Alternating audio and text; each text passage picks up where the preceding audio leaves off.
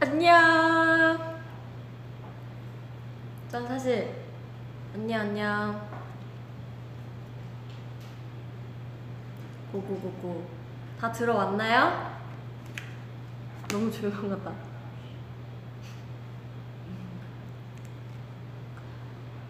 열시 네, 10시 딱 제가 약속을 지키려고 아까 일본어 레슨을 하고 바로 뛰어왔습니다. 네, 사실 차 타고 왔는데요. 안녕, 안녕, 안녕. 딱 10시에요, 여러분. 불토라고 지금 밖에서 안 보고 있는 거 아, 아니죠? 제가 V에 끝나고 다 모니터로 무슨 얘기 했는지 다 아는지 다 볼 겁니다. 네. 어색해.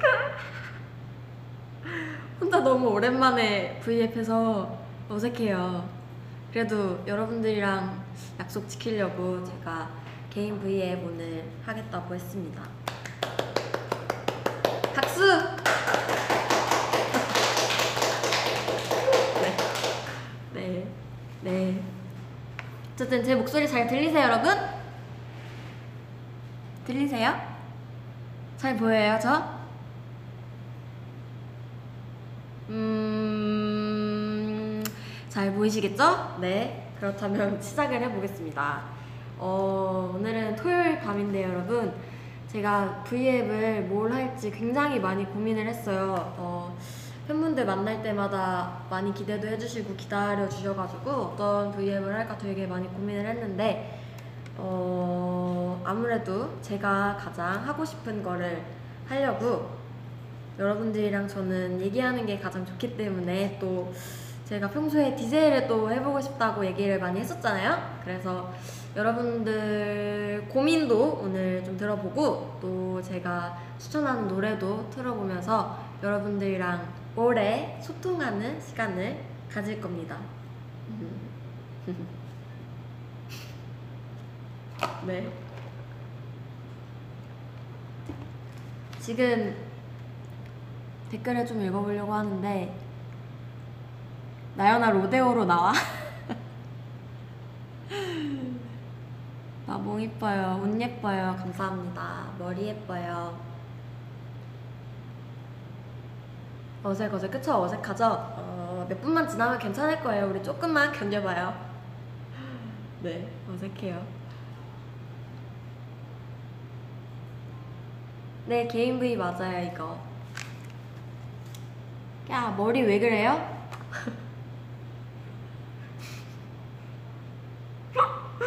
오늘 제가 볶고 싶어서 볶아달라 했어요.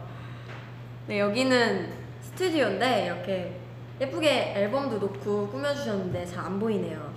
오늘 어쨌든 여기에 전화기도 있고 사실 어 막 저희 시그널 앨범도 있고 왜 있는지 모르겠는데 사탕도 있어요. 사탕도 있고 펜도 있고 어 사실 오늘 대본도 있고 뭐 데뷔 때 앨범도 있고 어마어마한 것들이 많거든요 여기. 네. 거울도 있고 이거 뭐 체크하는 건지 네. 거울도 있고 커피도 있고 네임펜도 있고 많습니다. 맞아요. 제가 오늘 썸마이웨이 서리 머리라고 많이 들었는데 비슷한 것 같아요? 네 시작을 해보겠습니다 네, 오늘 저랑 나연이의 세렌디피티 네 이거 함께 해볼까요? 첫 오프닝 곡은 제가 사실 어 추천 요 원스 여러분들에게 추천하고 싶은 곡이 너무너무 많아서 이렇게 다 리스트를 적었었는데 오늘은 어 좀 저희 회사 노래를 노래 위주로 좀 추천을 해드리려고 합니다. 네, 첫 오프닝 곡은 어, 데이식스 선배님들 노래 중에서 제가 가장 좋아하는 곡을 틀어드릴게요. 컬러즈 틀어주세요.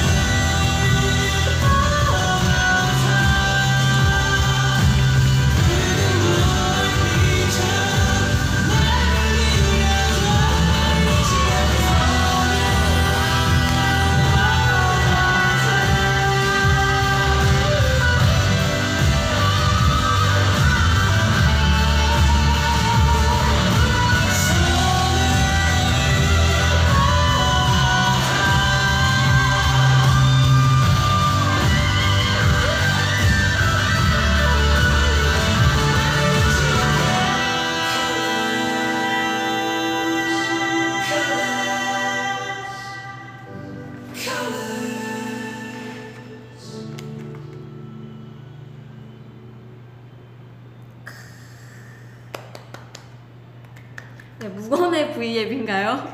무건의 V앱 아니고 오늘 라디오 컨셉이어서 제가 계속 이렇게 얘기를 하다가 계속 이렇게 제 추천곡을 틀 텐데 어, 많은 분들이 너무 음질이 고퀄리티라고 좋아해 주세요. 굉장히 비싼 스피커가 옆에 있습니다, 여러분. 네, 노래 제목 컬러주고요. 너무너무 좋죠, 진짜. 제가 연습생 때 아마 오빠들이 데뷔하기 전에 이 노래를 들었었던 것 같은데 그때부터 너무너무 좋아해가지고 어, 이게 음원 사이트에 나오자마자 항상 들었었던 기억이 나요. 제가 오빠들 노래 중에 제일 좋아하는 곡이었습니다. 또 지금이 밤이잖아요. 8시 9분이잖아요, 여러분. 밤에 좀 어울리는 노래로 좀 선곡을 했었거든요. 제가 오늘 선곡을 좀 들으시면서 꼭 굳이 이렇게 V에 보지 않아도 옆에 이렇게 틀어놓으시고 오늘은 DJ 컨셉 라디오니까 네 들으면서 좀 눈을 붙이셔도 될 것 같아요. 하트는 누르시고. 네. 댓글 진짜 빨리빨리 와가지고 노래 듣는 동안에도 제가 댓글 보면서 너무너무 재밌게 노래를 들었어요. 음, 네. 그리고 어, 오늘 V앱은요 제가 또 라디오 컨셉이고 팬분들에게 제가 고민을 써달라고 부탁을 했잖아요 얼마 전에. 그래서 그 고민들이 진짜 많이 많이 적어주셨더라고요 정말로. 그래서 그 고민들을 정말 하나하나 제가 다 읽고 또 해결해 드렸다면 너무너무 좋겠지만 어, 오늘은 딱 여섯 개 원스들의 고민을 제가 뽑아가지고 직접 짧게 짧게 코멘트를 해드리는 시간을 가져보도록 할 건데요. 사실 고민을 가지고 있다가 이렇게 굳이 해결하지 않아도 저는 누구한테 조금 털어놓거나 말만 해도 기분이 좀 나아질 때가 많더라고요. 그래서 고민을 좀 적으면서 원스 여러분들이 조금이나마 마음이 편해졌었으면 좋겠다고 생각을 했는데 편해지셨나요? 네, 오늘 또 잘하면은 제가 계속해서 원스들의 고민을 들어드릴 수 있으니까 오늘은 또 첫 번째 고민을 향해서 달려가 봅시다. 고민을 제가 소개해 볼게요. 네, 첫 번째 고민의 주인공분은 여고생 원스신데요. 제가 꼭 이름을 성함을 알려드리고 싶었는데 익명으로 써주셨더라고요. 그래서 여고생 원스의 고민입니다. 제가 저는 여대생이지만 여고생처럼 한번 읽어볼게요. 화이팅! 화이팅 왜 하는 거예요? 잘할 수 있어요. 화이팅! 나연 언니 평소에도 그러고 뻥 터지지 마요. 네. 나연 언니 평소에도 그렇고 특히 시험 기간에는 몽롱해지는 머리와 잠기는 눈, 익은 벼처럼 푹푹 숙여지는 고개를 막을 수가 없어요. 웃지 마요. 왜 크크크밖에 없어 댓글이. 고민에 집중하라고요, 원스. 네. 투둥이 언니들은 매일 빽빽한 일정을 소화하는 소화의 달인들 같은데 그러면서도 어떻게 그렇게 밝은 모습을 잃지 않을 수 있죠? 어떻게 그 피로들을 다 견뎌내죠? 알려주세요, 제발! 라고 해주셨는데, 네. 어, 저도 중고등학교 때 시험 볼 때 안 해본 게 없거든요, 정말. 그때 당시에 레드땡은 없었어가지고, 핫식땡을 막 두 캔씩 사다 놓고 먹지 않나. 커피 진짜 싫어하는데 커피도 마시고 막 바나나 우유 진짜 이런 거 절대 안 먹고 미역국 안 먹고 막 진짜 다 해봤거든요. 근데 졸리는 건 진짜 어쩔 수 없더라고요. 사실 저희도 스케줄이 굉장히 많을 때 졸아요. 너무 많이 졸고 너무너무 피곤한데 그럴 때는 저는 저의 개인적으로서 제일 자꾸 웃는데 이거는 뭐 진행이 안 되죠? 웃지 마요. 유치원생 아니고 여고생이었다고요. 미역국 미역 미역이 미끄러우니까 미역국 안 먹었었는데 다들 그러지 않았어요? 네 어쨌든 아 집중해야 돼 고민에 집중해. 응. 저는 개인적으로 먹어요. 진짜로 자 자고 일어나자마자 입에 뭔가를 넣어요. 뭔가 밥이 됐건 빵이 됐건 뭔가 묵직한 거를 밥이 없으면 음료수나 뭐 막 과일이라 과자라도 입에 넣어요. 입에 넣으면 이렇게 움직이잖아요. 움직이다 보면 뇌가 좀 깨는 것 같더라고요. 그래서 저는 되게 피곤하고 막 자다 일어나서 무대에 올라가고 이래야 될 때 입에 일단 뭐를 넣어요. 자동으로. 그래가지고 그러면 좀 잠이 깨는 것 같기도 하고 아니면 사실 시험 기간 때는 뭘 해도 다 졸려서 제가 이 고민을 듣고 가장 떠올랐던 생각은 음 시험 기간 때는 독해져야 돼요. 그쵸? 독해져야 돼요. 이 내가 자고 있을 때 우리 반 나보다 등수 높은 애는 단어 하나를 더 외우고 있고 어? 수학 공식을 하나 더 외우고 있다고 생각을 해봐요. 얼마나 피가 거꾸로 솟아요. 그렇지 않아요? 웃지 말고 얘기를 해봐요. 역시 먹둥이들. 아니 진짜 먹으면 깨는데. 네. 졸릴 때는 자는 게 답이지만 시험 기간 때는 많이 잘 수가 없으니까 또 뭐 그런 에너지 음료나 커피 같은 것도 한계가 있고 저는 먹는 걸 추천하고 또 독한 마인드를 추천합니다. 왜냐면은 시험을 보고 나서 저는 항상 시험 끝나고 성적표를 받으면 아 조금만 덜 자고 조금만 더 공부해서 이거 하나 더 외워서 점수 하나 더 올릴 걸 이런 생각을 되게 많이 했었거든요. 그래서 저는 시험 끝나고 나서를 미리 생각을 했어요. 후회할 거 아니까 좀 덜 자고 좀 더 외우고 좀 독하게 했던 것 같아요. 되게 공부 잘하는 것처럼 말하지만 네 저의 방법은 그랬어요. 시험을 포기하고 자면 안 되죠. 네. 아, 맞아요. 아침 공부도 좋아요. 졸리면 자야죠. 네. 자야 하지만 그래도 시험 기간 때는 공부를 해야 하니까요. 그리고 어, 너무 안 자면은 또 공부하는데 시간이 효율적이지 않잖아요. 잘 때는 좀 자고 깨어 있을 때는 독한 마음으로 커피 마시면서 밥 맛있게 먹으면서 공부하는 방법을 저는 추천을 해드립니다. 네. 어때요, 여러분? 실패했어요? 이렇게 했는데? 달달한 거 먹으면 졸려요? 저는 그럼 매운 거 먹어봐요.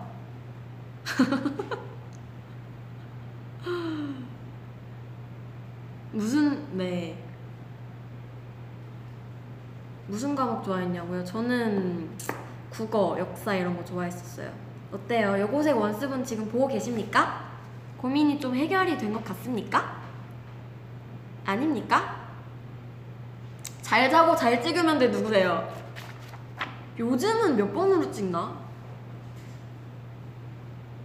3번, 5번 많이 찍었었는데 먹고 나면 졸려요? 그러니까 많이 먹으면 저도 배불러서 졸린데 그냥 입과 입이 움직, 턱을 움직일 정도로 뭔가 넣긴 해요. 해결됐어요? 좋은데 왜 자꾸 웃으시지? 네. 네, 이렇게 또 되게 어색해졌는데 네, 다음으로 또 제가 또 고민을 끝나면은 추천곡을 꼭 드릴 거예요. 네, 이번 저의 추천곡은요. 어, 지민이의 곡인데 지민이의 곡 중에서도 제가 제일 좋아하는 곡을 추천해 드리려고 합니다. 어, 지민이의 Him을 들려드릴게요, 여러분. 듣고 이따 또 만나요. 무슨 진행인지 모르겠네. 틀어주세요. 좋아하지 않아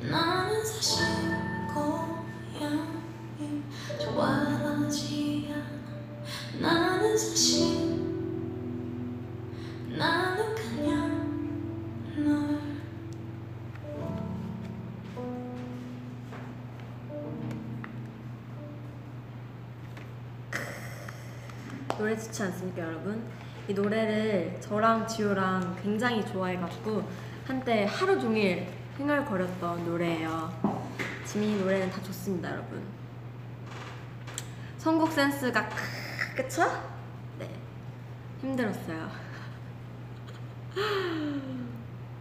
댓글을 좀 읽어보고 싶은데 네, 저도 다른 노래 많이 틀고 싶은데 오늘은 저희 회사 거밖에 못 틀어가지고 네 대신 데 제가 뭐 트스타그램이나 딴때 어, 좋은 노래들 많이 많이 추천해 드릴 테니까 오늘은 제 추천 노래를 들으면서 토요일 밤을 만끽하시길 바랍니다.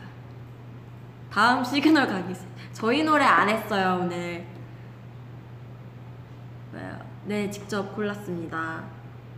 직접 저희 회사 노래 중에서 제가 평소에 좀 듣던 노래 그리고 좀 밤이랑 좀 잘 어울릴 것 같은 노래들로 선곡을 했었어요. 초대 손님?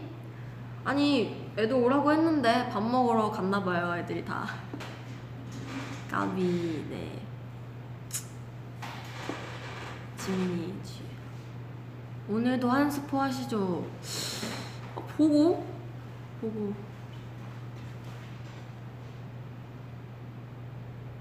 무한도전? 오 실검이에요? 어 실검의 세렌디피티가 이 세렌디피티가요? 올랐대 와 많이 보나봐. 좋아. 좋아 우! 사실 몇분 안 계시는데 네. 힘이 되네요. 밥 먹었어요. 네 저녁 먹었습니다. 아 맞아 제가 어제부터 운동을 시작했거든요 여러분. 저 헬스 다녀요. PT 하는데 어 제가 먹는 거를 조금 체크해 달라고 하셔가지고 하루하루 이제 먹는 거를 사진을 찍어서 바로 PT 쌤한테 보내드리는데 어 답장이 왔는데 종잡을 수 없네요 나연님. 이라고 오셨어요. 그만큼 저 많이 잘 먹으니까 걱정하지 마세요. 밥 먹었어요. 뭐 먹었냐고요? 오늘 빵도 먹고 아침에 엄마가 차려주신 갈치에다가 밥에다가 계란 후라이 베이컨에다가 콩나물에다가 네 잘 먹고 과일도 먹고 네 음료수도 마시고 아까 빵도 먹고 많이 많이 먹었어요. 멤버들 전화 연결했다가 보고요. 그럼 이제 다음 두 번째 아직 두 번째 고민이에요? 네, 두 번째인가요? 두 번째 고민을 읽어드리도록 하겠습니다. 댓글에 크크크이 제일 많은 이유가 뭐죠 지금? 재밌다는 네 뜻으로 알아드릴게요. 맞아요, 엄청 많이 먹었어요. 네, 바로 두 번째 고민을 읽어볼 텐데요. 두 번째 고민은요. 올해 졸업한 취업 준비생 원스의 사연입니다. 취업 준비생의 목소리는 좀 약간 어 해보겠습니다. 남자분이실 것 같은데 음 보고 계시죠?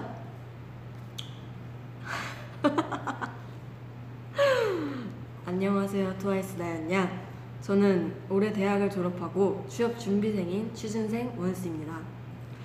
저에게 트와이스의 치얼업은 미래를 계획하며 오는 답답하고 막막한 상황에서 정말 많은 힘이 되었어요. Cheer Up을 불러주시면 정말 좋겠지만 불러드리면 되죠. Cheer up baby cheer up baby 좀 더 힘을 내. 네 불러드렸습니다.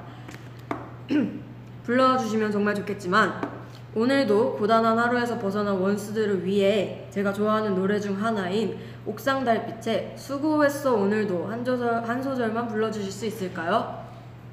라고 해주셨네요. 자꾸 웃지 말고요. 네 잘했어요. 저 취준생 원스 목소리 같았나요? 완벽했어요? 고마워요. 네 수고했어 오늘도 네, 불러드릴 텐데, 어, 사실, 음, 제 주변 친구들 중에도 회사를 다니거나 또 취업을 준비하거나 이제 막 회사에 입사해서 취- 어, 회사 생활을 하는 친구들이 많은데, 어, 그분, 그 친구들의 얘기를 듣다 보니까 또 이 취업 준비생 원스의 마음을 저는 다 알진 못하지만 조금이라도 조금 이해를 할 수 있을 것 같은데, 어, 취업 준비생인 이 취준생 원수분뿐만 아니라 어, 아직 오늘이 끝나지 않았지만 여기서 수고해주고 계신 스태프분들 또 오늘 무대를 마친 트와이스 친구들 또 더운데 많이 저희 보러 와주신 원스분들 또 오늘 토요일이지만 일하신 어, 많은 원스분들을 위해서 제가 수고했어 오늘도 한 소절을 불러보도록 하겠습니다. 네, 한 번도 불러본 적 없는데 사실 아까 리허설 때 한 번 매니저 언니랑 불러봤어요. 네, 불러드릴게요. 수고 수고했어 오늘도 아무도 너의 슬픔에 관심 없대도 난 늘 응원해 수고했어 오늘도 하라고 했어. 수고했어요. 취준생 원스도 또 오늘 많은 원스분들 날씨도 너무 덥고 오늘 요즘 비가 내렸다가 막 안 왔다가 장마철이라서 너무 꿉꿉하고 많이 힘드셨을 텐데 오늘 하루도 너무너무 수고했습니다. 오늘 너무 수고했고 저랑 같이 V앱 잘 마무리하면서 오늘 하루를 마무리해봐요. 응? 수고했어. 수고했어. 수고했어요. 자, 그럼 댓글을 조금 읽어보려고 하는데 와우 되게 칭찬 댓글이 많은데 민망해서 못 읽겠네요 고마워요 고마워요 고마워요 수고했어요 원스도 아 고마워요 힘이 난다는 댓글이 있는데 너무 그 댓글 보니까 제가 다 힘이 납니다. 수고했어요, 진짜. 수고했어. 수고했어. 네. 그럼 이쯤에서 저희가 고민을 또 하나 들었으니까 아, 추천곡을 하나 듣고 가야겠죠? 이번에는 예린이 곡 중에 제가 또 좋아하는 곡을 어, 들려드릴 텐데요. 이거는 가사도 지금 아 맞다 맞다 맞다 맞다 예린이의 노래 듣기 전에 제가 어, 좀 힘들 때마다 듣고 힘을 내는 곡이 있어요 그 곡을 하나 추천해 드릴게요 그게 소각소각님들의 어 잠시만요 뭐 갑자기 까먹지? 미쳤나봐 음... 소중한 그대에게 맞아요 소각소각님들의 소중한 그대에게라는 노래가 있는데 어, 저도 이렇게 조금 힘들 때나 고단한 하루를 보냈을 때 어, 힘을 얻으려고 듣는 노래예요. 근데 가사도 너무너무 예쁘고 어, 목소리도 너무너무 좋으셔서 되게 힐링이 많이 되거든요. 그래서 소중한 그대에게를 소중한 원수들에게 좀 들려드리고 싶습니다. 지금 들어보세요 한번. 그거는 저의 또 추천곡이었고 이번에 들려드릴 곡은 예린이의 제로라는 노래를 틀어드릴 텐데요. 이것도 가사가 굉장히 힘이 많이 되고 예린이 목소리가 너무너무 좋아요. 남의 언니 틀어주세요. 어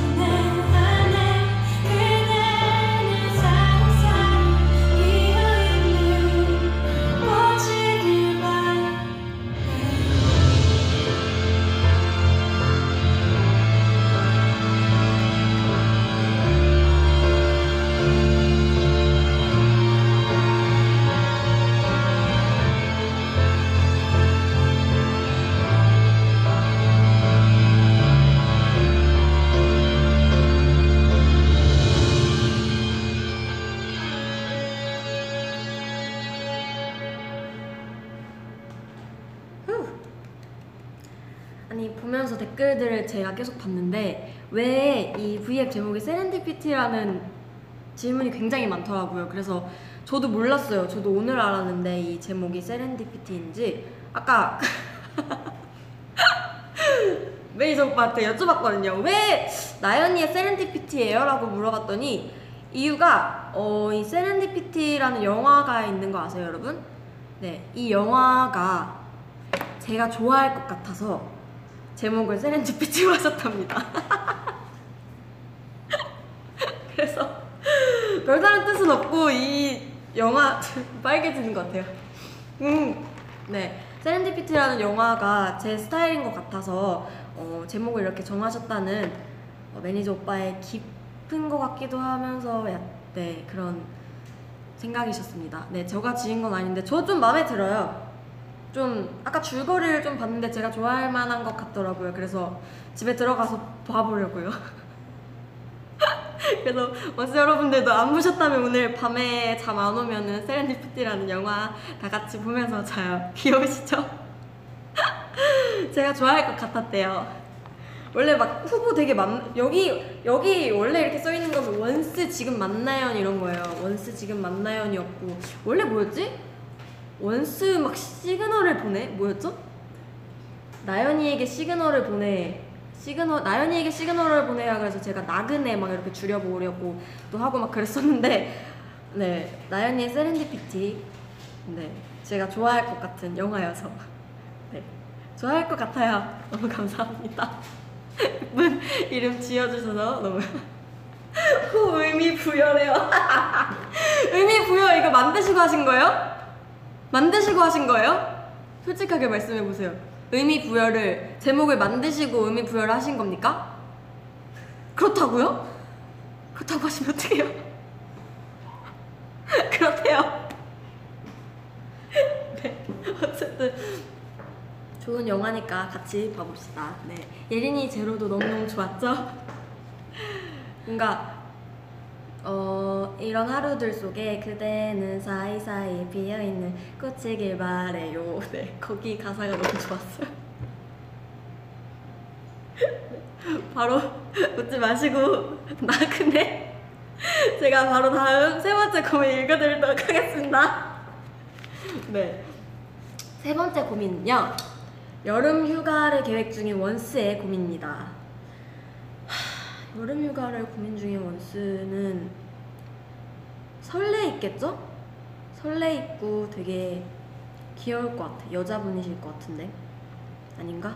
어쨌든 제 나름대로 상상의 나래를 펼쳐서 여름 휴가를 계획 중인 원스의 고민을 읽어드리도록 하겠습니다. 아 누나네. 어 남자였구나. 네 그렇다면 누나라 그랬으니까 저보다 어리신 거죠? 네. 알겠습니다. 어, 진짜. 아. 안녕하세요, 나연 누나.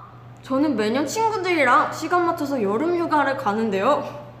맨날 꿈은 크게 그리지만 어영부영하다가 강릉만 3년을 갔어요. 이러다가 강릉 주민이 될 느낌적인 느낌이에요. 헝.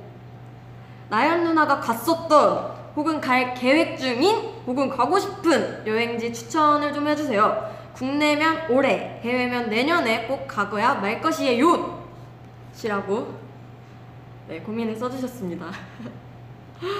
아, 네 너무 귀여운 고민인데 어 강릉만 3년을 가셨대요. 저는 강릉을 한 번도 가본 적이 없거든요. 강릉도 좋을 것 같은데. 음, 사실 솔직히 말하면은 저는 해외를 일로 말고 가본 적이 없어요. 어, 데뷔 전에 제주도는 가봤었는데 저는 부산도 데뷔 이후에 팬사인회로 먼저 처음 가봤었고 일본도 케이콘으로 처음 가봤었고 어, 다 뭔가 여행으로 가본 적이 없기 때문에 추천 여행지로 추천은 어떻게 해야 될지 모르겠는데 제가 가봤던 나라 중에 제가 뭐 스위스, 호주, 태국, 싱가폴, 중국, 뉴욕, LA, 일본 뭐 이렇게 등등등 좀 가봤었는데 어, 스위스는 되게 아름다웠어요. 되게 볼 것도 많고. 근데 워낙 멀고 조금 가기가 힘드니까 나중에 가족들이랑 같이 가보면 좋을 것 같고. 어, 친구들이랑 가기에는 저는 솔직히 말하면 제주도가 가장 추천지거든요. 가깝고 일단은 해외면 내년에 꼭 가고야 말 것이라고 했는데 제주도는 당장 이렇게 조금 준비해서 갈 수도 있으니까 제주도도 저는 너무 좋아요 놀러 가기. 얼마 전에 저희 멤버들이랑 제주도 가서 막 수영도 하고 사진도 찍고 그랬었는데 너무 너무 좋았거든요. 그래서 어, 국내면은 저는 제주도를 추천하고요. 해외면은 사실 일본을 제가 자, 제일 가장 많이 갔는데 일본을 친구들끼리 놀러를 많이 가시더라고요. 그래서 일본도 추천합니다. 근데 제가 갔던 곳 중에 가장 좋았던 곳은 LA 곳, LA나 호주인데 워낙 멀고 조금 그러니까 네 제주도나 친구들끼리 가기에 일본 제주도를 추천을 합니다. 근데 지금 딱 여름 휴가 시즌이잖아요, 그쵸? 원스 여러분들도 휴가 계획을 세우고 계시, 계세요? 일본 여행을 많이 가신다고. 음, 오키나와. 맞아요, 오키나와 이런 데 가고 싶어요. 도쿄는 쇼핑하기 좋은 것 같아요, 제 생각엔. 음. LA 너무 예뻤죠. 논산? 사이판, 서울. 알바예요? 바닷가, 바다 좋죠. 음, 대만, 학교 가요? 방콕. 네, 가족끼리 가기 좋죠. 맞아요. 가평도 제 동생 얼마 전에 가평 친구들이랑 놀러 갔다 왔는데 좋던데. 솔직히 친구들이랑 놀러 가면 어디든 재밌지 않을까요? 제주도 되게 많이 가신다. 거제도, 트와이스랜드 누구야? 트와이스랜드, 울릉도, 오사카, 전주, 마음속, 필리핀. 어, 되게 많이 추천해 주시는데 원스 분들 여기 댓글만 봐도 굉장히 추천 많이 해주셔서 좋겠는데요. 방에 콕, 방콕. 근데 어, 제가 고민을 해봤는데 사실 음, 요즘 너무 날씨도 꿉꿉하고 덥다 보니까 저는 제 방에서 에어컨을 시원하게 틀고 누워서 아이스크림을 먹는다거나 어, 뭐 이렇게 V앱을 본다던가 드라마나 영화를 보는 게 가장 좋은 휴가라고 생각을 하거든요. 그렇게 생각하기 때문에 어, 바로 다음 제가 이 원스분들에게 해주고 싶은 말을 담은 메시지를 담은 노래를 추천해 드리려고 합니다. 바로 들어볼게요. 갓세븐 선배님의 그대로 있어도 돼. 그대로 있어도 돼.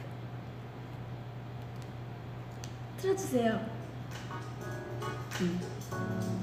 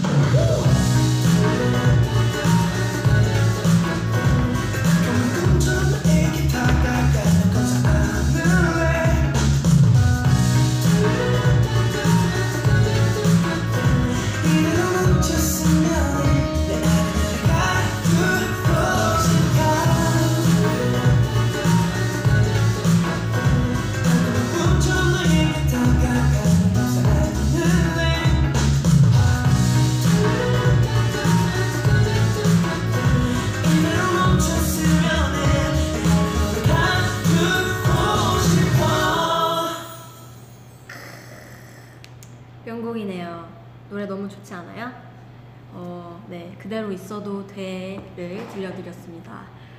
어디 가지 않고 그대로 있어도 네, 시원한 여름을 보낼 수 있어요, 여러분. 네. 어, 댓글을 읽어볼 타이밍입니다. 댓글 좀 읽어볼게요. 아니, 우리 멤버들 보고 있는 거 맞습니까? 멤버들 댓글이 하나도 안 보이는데? 네, 지금 다 보고 있는데 멤버들 지금 톡도 안 와요? 내가 쯔이한테 그렇게 보라고 했는데 쯔이가 시간 되면 볼게 이랬거든요. 음, 안 봐, 안 봐, 안 보는 것 같아. 제가 V앱 보라고 심심하면 여기 놀러 오라고 그랬는데 네, 아무도 보고 있지 않는 것 같네요. 너무해, 너무해. 그 엄기, 엄기 멤버들 자요? 절대 안 자요. 이 시간에 자는 사람 한 명도 없어. 다현이? 바쁜가 봐요. 전화해버릴까요? 맞아요. 밥 먹느라고 바쁜 것 같아요. 쯔이랑 같이 일본어 레슨 해가지고 제가 쯔이한테 쯔이야 언니 뒤에 꼭 봐줘 이랬는데 음 시간 되면 이라고 했어요 쯔이가 쯔이 노래 너무 좋죠. 저 오늘 좋은 노래밖에 추천 안 한다니까요. 저희 회사 노래 중에 어, 원수분들이 또 못 들어본 노래가 있을 수도 있으니까 제가 명곡만 뽑아서 오늘 셀렉했다고요.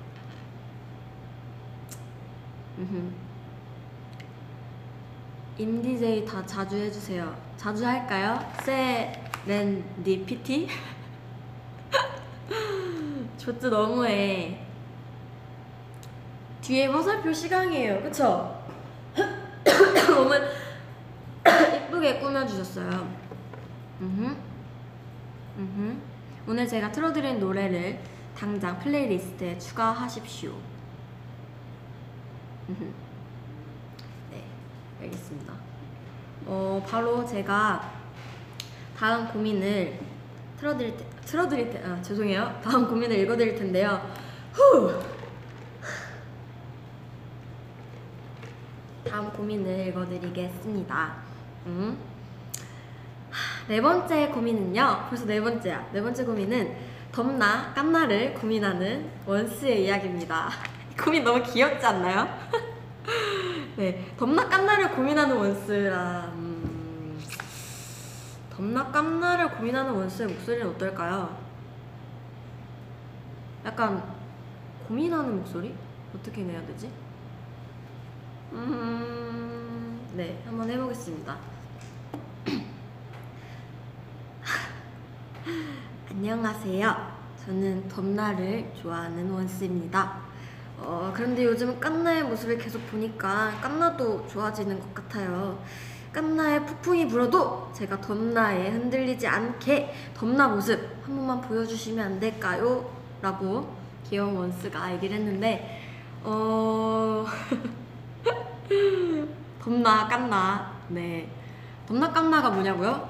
덤나는 덮은 나연이고 깐나는 깐 나연이에요 네 앞머리 덮었다 깠다를 제가 많이 고민하는 편이라 팬분들이 지어주신 별명인데 초등학생이냐요 지금 댓글에서 많이 싸우고 있는 것 같은데 네 어, 항상 고민하죠 저도 덤, 사실 요즘 앞머리를 자를까 많이 고민 중인데 적당한 때를 보고 있습니다. 근데 또 제가 또 오늘 고민을 해결해야 되잖아요. 고민 해결을 도와드리기 위해서 하, 오늘 저의 앞머리를 가져왔습니다, 여러분. 여러분들께 어, 실시간으로 저의 덮은 머리를 보여드리려고 앞머리를 가져왔어요. 사실 여기 있어요. 최근에 제가 앞머리를 자른 게 아니라 앞머리 가발을 제가 직접 샀어요. 압구정 로데오에 가서 제가 직접 얼마였지? 28,000원인가? 22,000원? 제 돈 주고 직접 샀어요. 이거를 한번 껴보고 싶어가지고 그래서 색깔도 이거 제 머리색으로 맞추고 이게 시스루 문뱅? 뭐 see-through bang인가? 그 무신기 그건데 그거를 제가 직접 사서 헤어 스텝 언니 오빠들한테 붙여달라 그래서 아마 콘서트 때 원래 붙이려고 했었거든요. 그래서 콘서트 때 붙였다가 너무 감당이 안 되는 거예요. 너무 부자연스러워서 떼고 이제 일본 활동 때 잠깐 붙였었는데 어, 많은 일본 팬분들이랑 한국 팬분들이 제가 진짜 앞머리를 자를 줄 아시더라고요. 근데 사실 방송에는 자연스럽게 나왔지만 실제로는 정연이가 방송 멘트를 하다가 푹! 제 앞머리를 보고 비웃었거든요. 이거 실제로 보면 되게 어색해요. 근데 이 원스를 위해서 제가 한번 해보겠습니다. V앱에서 이걸 붙이고 있다니. 자, 잘 봐요. 앞머리가 생기는 순간이에요. 근데 오늘 생머리가 아니어가지고 이렇게 하면 좀 자연스러울려나? 너무 길어.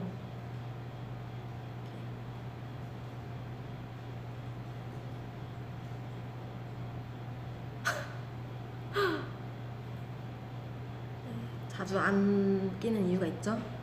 좀 부자연스럽죠? 이거 이렇게 하다가 춤추다 이렇게 넘어지거나 이렇게 빠지면 어떡해요? 빠지면 뭐야 나 어떻게 그날 그날 프리뷰 어떻게 봐? 그렇잖아요. 그래서 자주 안 했는데 어? 좀 자연스럽지 않나?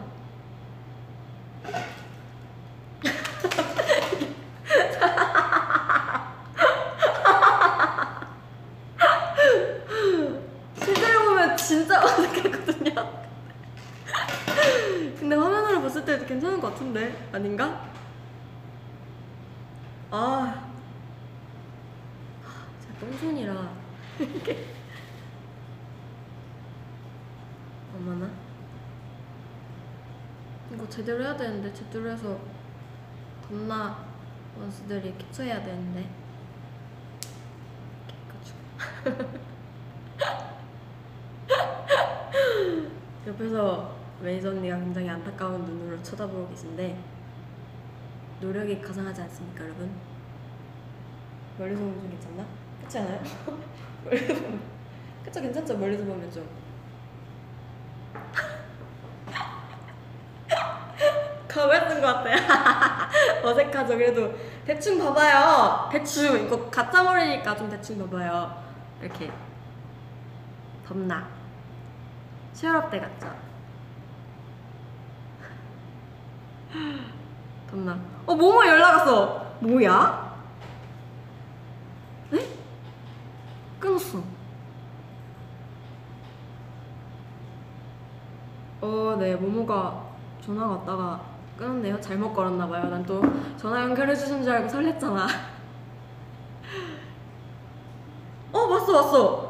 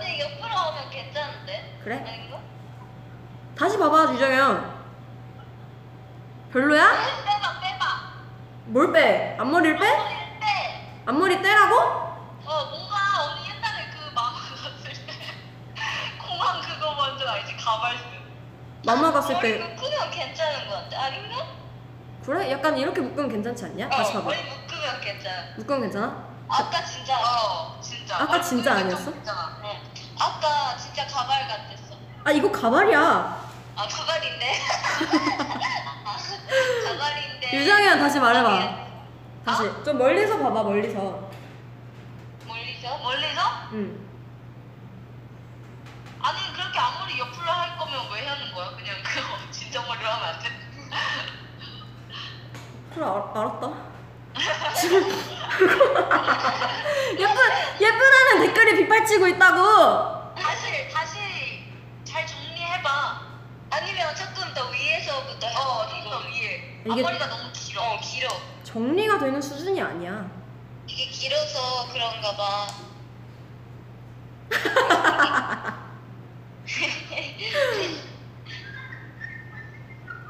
누가 누가 누가 예쁘다는 댓글이 누가 있지? 완전 이뻐요 지금. 있잖아 이뻐요 이쁜데 이쁘다. 그렇지 언니는 예쁘지. 언니는 예뻐. 야 안해. 안해 안해. 어, 그거 괜찮은데? 괜찮아. 괜찮다고? 그, 어, 짧은 거 괜찮은데? 이거 괜찮아? 어, 어. 진짜 괜찮아? 나아. 아, 귀엽다. 어. 아닌가? 귀여운데? 귀여워요? 귀여워. 어. 아니래잖아. 아, 진짜? 우리, 우리 스타일 아닌가 봐. 그래? 우리가 보는 눈이 없나 봐. 응. 괜찮아? 괜찮은데? 아, 뭐, 아니, 머리를 묶어봐. 뒤로? 이렇게? 어. 아, 언니 이거 옛날에 했었잖아. 이 앞머리 맞지? 응 티티 때? 어. 응. 그럼 이렇게 자를까요 원스 여러분? 완스 너할것 같아. 아니야, 할 거야. 그래. 어? 야 좀 자연스러운 것 같아 이거. 어, 이거 괜찮지 않아? 괜찮은데? 야 캡처해봐. 캡처해서 우리 단체 톡에 보내봐. 야, 빨리 캡처해봐, 캡처해봐. 우리 스타일 완수랑 안 맞는. 완수는 완전 반대. 보냈어. 보냈어? 어. 괜찮 괜 괜찮은데? 자연스러운데? 그치? 어. 묶는 거 괜찮아. 괜찮은데? 왜 누구 옆에 누구 웃냐? 언니 웃음소리야.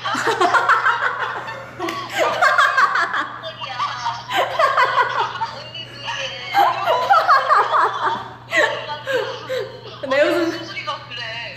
내 웃음소리야? 어. 알았어. 혹시 옆에 누구냐? 언니 웃음소리야. 뭐 하고 있었어? 우리 비밀이야. 우리 비밀 리뷰즈 정영이랑 둘이. 그래 알았다. 고마워. 전화 연결해줬어. 나 설렜어. 맞았지? 응. 우리 잘 볼게. 네 알겠습니다. 아. 음. 참. 저 옆에서 누가 웃고 있는 줄 알았어요. 어쨌든 네 저희 멤버들 참 솔직하죠. 덤나를 좋아하는 원스에게 도움이 됐나요? 제 이거 앞머리? 도움이 됐길 바라면서 아, 더워. 네. 하, 언젠가 제가 진짜로 앞머리를 덮고 나올게요. 한 차례 폭풍이 지나갔대. 솔직, 네, 솔직해 우리 멤버들. 특히 유정이가 너무 솔직해. 너무 고마워. 전 전화번호 공개를 왜 해요? 선택은 본인의 몫 맞습니다. 선택은 제 몫이죠. 제가 하고 싶은 머리 할 거예요. 다 해봐. 앞머리 도 망했어? 앞머리 하자. 네. 덥나, 덥나, 덥나, 깐나.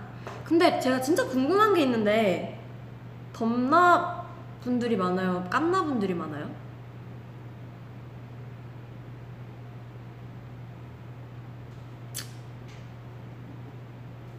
오케이. 반은 까고 반은 덮어요?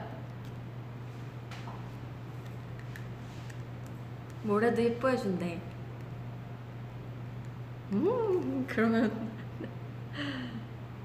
어려 보였어요? 음, 덥나, 덥나, 덥나, 덥나, 깐나, 덥나, 덥나, 깐나, 덥나, 덥나, 덥나, 깐나, 덥나, 깐나, 깐나, 덥나, 덥나, 덥나 왜 이렇게 많아? 덥나, 덥나, 깐나. 음, 오케이. 제가 잘 참고해서 음, 다음 헤어스타일 때 참고를 해보겠습니다. 어, 또 제가 음악을 추천해드릴 시간인데요. 또 저의 마음을 담아서 저의 메시지를 담아서 네 추천해드릴 노래입니다. 이번에는 드디어 PD님의 곡인데요. 박진영 PD님의 못 잊은 거죠 들려드릴게요. 깐나 못 잊어.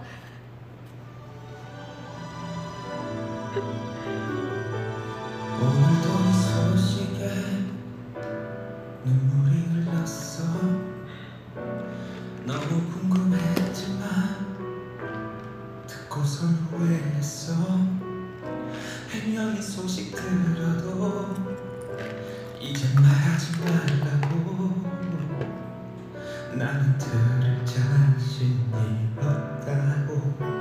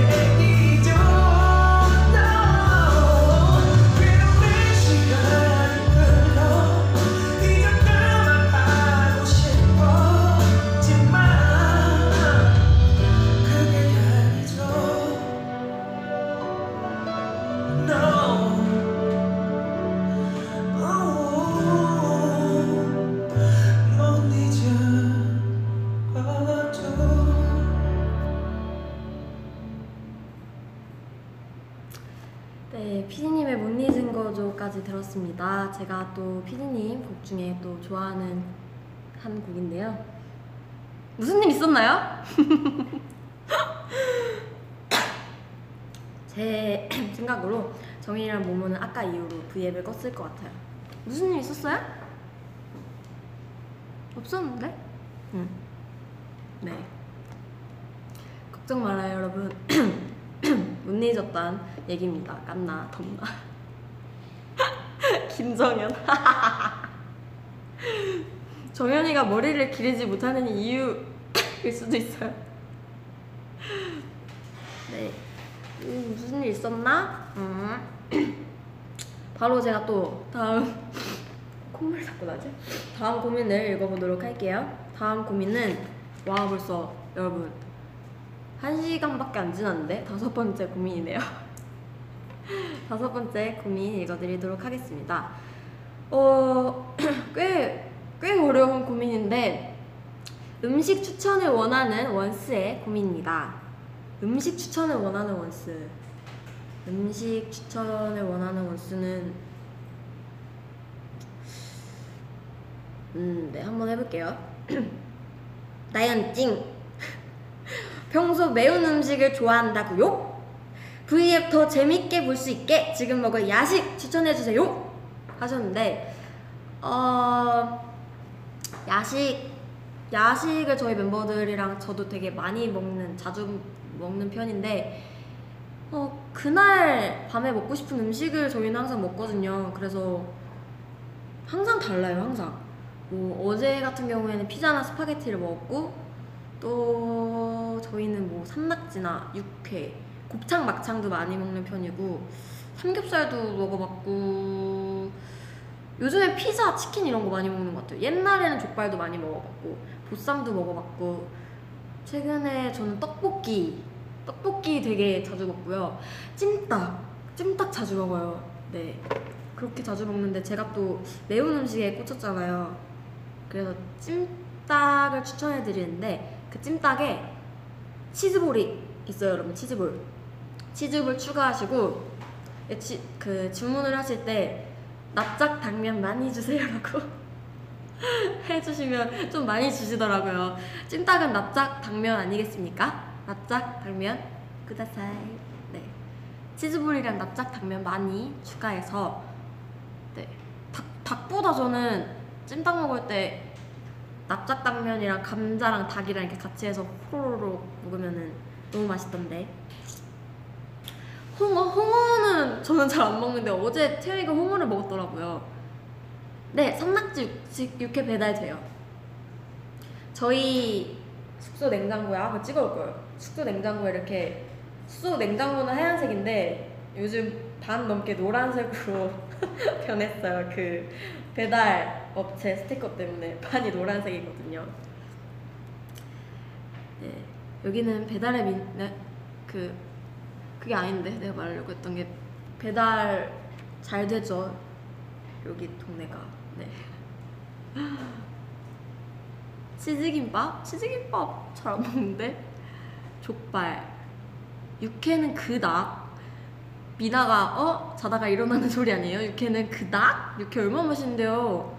육회 맛있고 불육회도 맛있고 같이 오는 산낙지랑 연어도 맛있고 아, 스시 먹고 싶다. 네. 좀 추천을 많이 해드렸는데 오늘 밤에는 그러면은 육회나 찜닭 드세요. 찜닭. 찜닭 아니면은 떡볶이. 아, 진짜 맛있는 떡볶이집 있는데 진짜 추천해주고 싶다. 배달해드리고 싶어요 다. 나또? 나또는 모모가 좋아하는데? 맛짱. 맛짱. 네 여기 여기 이 대본에는 매운 족발 타임도 어떠냐는 얘기도 있고 요즘에 더우니까 치콜 또 치콜이 뭐예요? 치킨 콜라. 치킨 콜라. 네 치킨 콜라도 좋죠. 옛날에 이렇게 치킨이랑 콜라 같이 먹었었는데. 네 세상에 맛있는 게 너무 많죠 여러분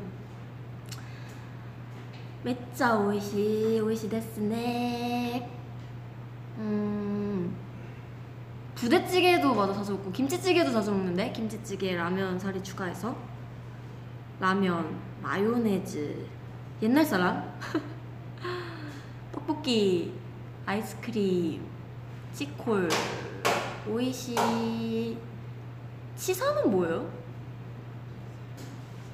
아 치킨 사이다 음, 침, 액은 뭐야? 가마로 닭강정 해보카리. 치포, 치포, 치포 좋죠. 밥은 직접 안 해 먹나요? 네, 직접 안 해 먹어요. 밥을 해본 적이 없어요.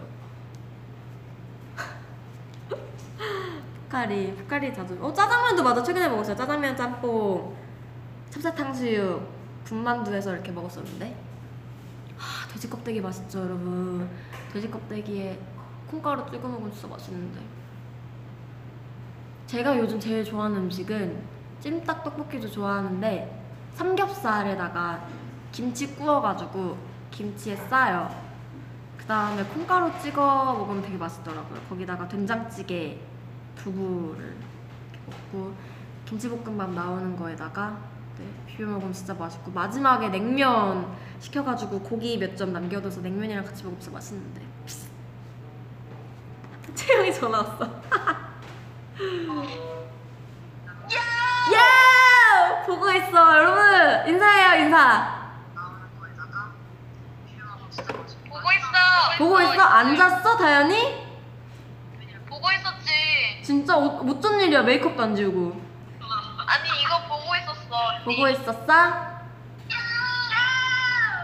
있어 여러분. 인사해요. 내가 무슨 얘기했어? 언니가? 어, 일찍 얘기하고 처음에 음. 언니가 아 자기 혼자 너무 어, 오랜만에 해서 혼자 너무 어색하다고. 처음 틀었다가 지금 다시 켰구나? 언니 그 앞머리도 했잖아. 맞아 앞머리도. 어 앞머리 했어 뭐 하고 있니? 다현아 사랑해 다현아 안녕 엄청 많아요 부채 김치 두부 먹고 싶다 헉, 어나 방금 밥 먹었어. 뭐 먹었어? 지효 언니네 부모님께서 반찬 싸주신 카레? 거 카레랑 장조림이랑 김치랑 잘 먹었어요 네? 야 다현아 내가 그거 공개해도 되냐? 너 자면서 선크림 바르는 영상 근데 다현이가 선크림을 항상 바르는데 일본 대기실에서 그날 아마 못 잤지 우리가. 그날 거의 밤을 샜을걸요? 못 자가지고 다현이가 소파에서 자면서 선크림을 바르는 거예요. 제가 너무 신기해서 찍으면서 야 너 자면서 선크림 발라. 이랬는데 진짜 자고 있었어요. 절대 눈도 뜨지도 않고 답도 없고 움직이지도 않는데 선크림을 발 근데 매번 그랬어 진짜? 그거 이따가 보여드릴게요. 야, 내가 아까 정현이 엽사 한 거 봤어? 아니 못 봤어? 우리 단톡에 올라온 정현이 긴 머리 때 사진 내가 보여드렸어. 이거 보여줄게. 반응이 핫했어. 정현이 모르고 있는 것 같아. 끝까지 몰랐으면 좋겠어. 유출됐다고 생각하겠지? 언니 우리 방 지금 완전 열심히 보고 있어 아, 진짜? 사랑해. 조쯔이 안 보지? 주위 누워 있어 야, 조쯔이 어딨어? 얼굴 보여 봐봐. 안 보고 있지? 자네. 자네. 근데 화장 올- 어, 웬일인지 빨리 씻었네 그래? 되게 좋아하신다 너네 이렇게 오는 거 다현이 그럼. 채영이 고민도 들어줘 그래 고민 한번 얘기해봐봐 채영이 고민 얘기해봐봐 어... 왜 이렇게 참을성이 없을까요? 네가요? 사실 지- 뭘, 아니 뭘 못 참겠는데 얘기해 봐봐 뭐를 못 참겠어 왜 머리를 기를만 하면 자르고 하면 자를까요? 그거는 네가 짧은 머리가 어울리는 게 베이스로 깔려서 그런 거 아닐까? 솔직히 너도 알잖아 네 짧은 머리가 괜찮은 걸 아니 모르겠어요 그러니까 너는 어차피 잘라도 붙일 수 있다 이런 마인드가 있으니까 잘라도 상관이 없는 거야 그런 거 아닐까? 그런가요? 나연 응. 언니 언니 여기 왼쪽에 잔머리 이렇게 깊이 꽂아야 될 것 같아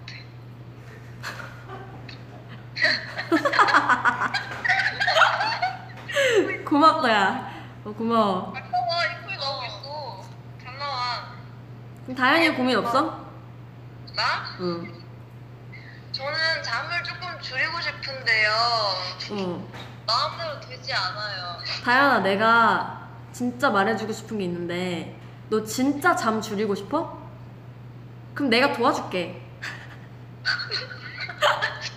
아니야 그냥 자기 할수 있다 다른 언니의 고민 있어 뭔데 내가- 뭔데 뭔데? 내가 다현 언니가 되어볼게. 어? 제가 어제 슬라이딩을 했는데요. 이제 앞으로 어떻게 살아야 하나요? 갑자기 뭐야? 이거야. 지금 아니. 언니 속마음은 이거야. 다현이 되게 걱정하더라고요. 야 너 완전 귀여웠어. 뭘 걱정해? 아니 왜냐면 나는 one two three 엄청 연습했어요. 근데 맞아요. 다현이가 이거 one two three 엄청 연습해가지고 시구 저번에 못해서 너무너무 아쉬워해서 이번에 꼭 하겠다고 했었는데 너무 아쉬웠나봐요, 여러분. 맞아 TT도 막 연습했는데. 내가 TT를 왜 연습해? TT 아 찌릿찌릿 아 찌릿찌릿이구나. 찌릿찌릿을 왜 연습해? 그러니까 그 시구 하기 전에 사인 같은 거 하잖아. 아. 그때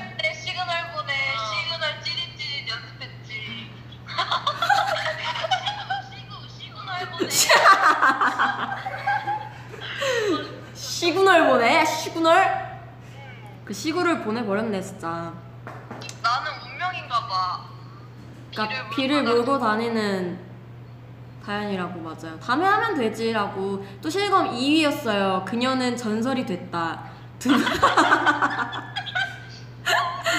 둠라이더. 어, 이거 봐. 언니 응. 엄청 예쁘게 나와. 엄예야, 엄예. 언니야 나? 조명빨이야. 응. 언니 저 궁금한 거 있는데요. 네 말해 보세요. 이거 진짜 사복이에요? 이거 사복이에요. 이거 나연이 얼마 전에 산 거예요. 어 나 얼마 전에 사가지고 내가 나 웬만하면 그런 거 안 하는데 패션쇼 했잖아 채영이 앞에서. 맞아. 이뻤어요. 잘 사복이에요. 아, 일어나 볼까 한번 또? 언니 반지 예쁘다. 어? 반지 예뻐. 아 반지. 에이. 네, 쇼핑하고 싶나 봐. 어? 나연이 쇼핑하고 싶나 봐. 반지 이거 저희 커플링이에요. 요거랑 요거 두 개 다 저희 트와이스 커플링인데 이거는 다 똑같고 이거는 각자의 탄생석이 있어요. 이렇게 원수분들 아실 것 같은데, 그쵸? 인도 옷 같다는데요, 제 옷이? 예쁜데요? 뭐 예뻐요. 약간 그런 빈티지 요새 음. 이런 무늬가 유행이잖아요. 네, 채영이 스타일. 스카프에 약간 있는 것 같은 느낌. 음, 나 독쟁 엄귀.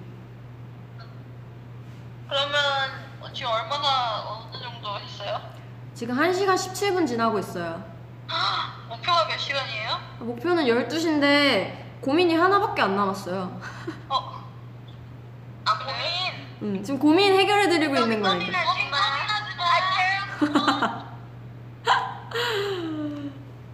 보고 싶은 원수들을 위해 실시간 둡쟁입니다. 너무 귀여운 거 아니야 너네? 어, 지금 다현 언니가 내 발, 내, 내 발 다리 위에 발을 올려놔. 이발 좀 봐. 야, 나 이거 보여줬어. 아 그만하세요. 귀엽네. 아니 댓글에 왜 자꾸 스포해달라는 댓글이 엄청 많은데 무슨 스포예요? 무슨 스포여도 스포할 게 없어요. 그러니까 왜 자꾸 스포를 원해? 그치 스포할 것도 없고 지금 여기 팀장님이 계신데? 어, 아 안녕하세요 팀장님. 보여드릴까요? 진짜 안녕하세요. 어 숙소에 과일 있던데 과일 사주셔서 감사합니다. 잘 먹겠습니다. 과일. 네, 팀장님이 과일을 사주셨습니다. 저희에게 과일. 네, 너, 감사합니다. 잘 먹겠습니다. 하하. 어 언니 저 고민 하나 읽었어요. 뭔데요? 나이 때문에 미치겠다. 나연이 때문에 미치겠다 하기래요. 알겠다. 사회생활 열심히 한대 너네. 어? 사회생활 열심히 한대. 우리 열심히 하지. 팀장님. 어? 언니한테 좀 그렇게 해봐 평소에. 아, 그 팬들 잠좀 줄이도록 하겠습니다. 그러면. 나좀 줄이세요, 잠 좀. 귀여워. 아, 이게 약간 어, 느려. 아, 느린 게 포인트야, V앱은. 네. 우수사원, 사회생활 두부. 다현이, 크크크크크. 리액션 가비다현, 빈티지 챙, 자본주의가 낳은 두부.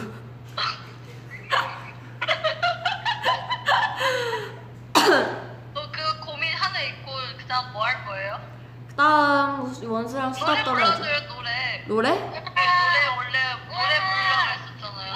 응. 노래 아까 했어 한 곡. 뭐 했어요? 수고했어 오늘도 불러달라는 원스가 계셔서. 어, 어 우리 우리 그거 할 수 있잖아. 채영이랑 저랑 수고했어 오늘도 연습했었거든요. 하나 둘 될까? 한번 해보자. 어때 뭐? 진짜 내 먼저인가? 아 수고했어 오늘도 나 아무도 나의 야 너무 끊기는데? 어안 될 것 같아. 둘이 해서 나중에 올릴게요. 이거 되게 연습 과제인데.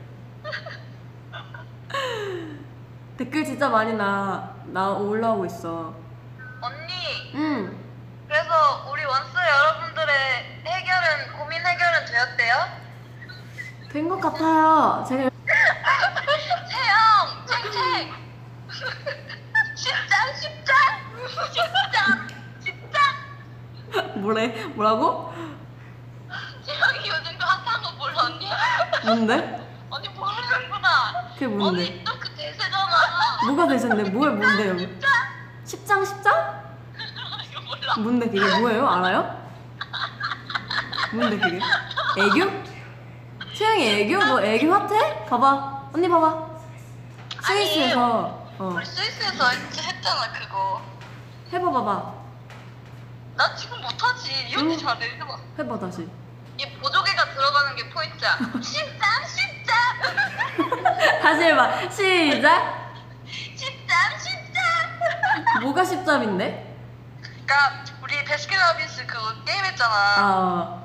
13, 14 그거 아. 해가지고 내가 했는데 한번 보여줘요. 하나, 둘, 셋.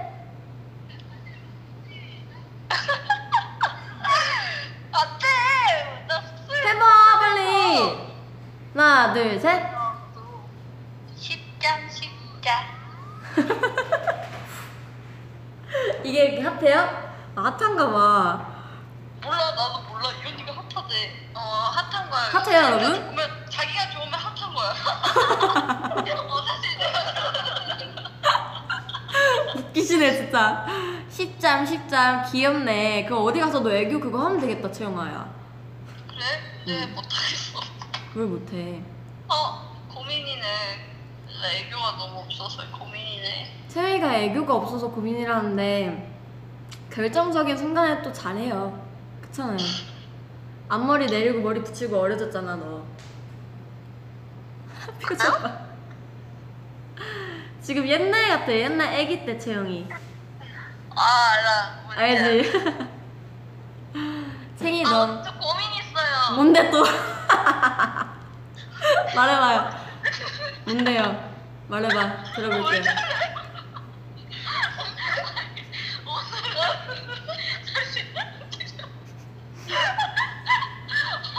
왜 말해봐. 언니도 고민이 있는데요. 네.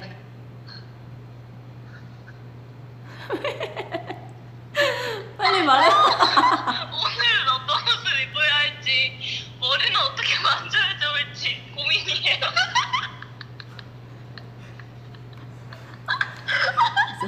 진짜. 이건 어떤지 또 저건 어떤지 고민하지 마요. 고민이에요. 그 사람도 좋아할까 마음 졸이면서 시원해서 하나 통해서 나 다현아 여기 분위기 안 좋아 너 때문에. 너 때문에 지금 침울해. 재밌었는데 종모 오빠 표정 볼래? 진짜 침울하다고. 웃음이 사라졌다고 여기. 너 현장 분위기가 얼마나 중요한지 몰라? 맛을 몰라. 미쳤나봐 진짜. 정보 미쳤네 박민이에요 가끔씩은 달콤하게 보이고 싶고 가끔씩은 강렬하게 보이고 싶은데요 바로 이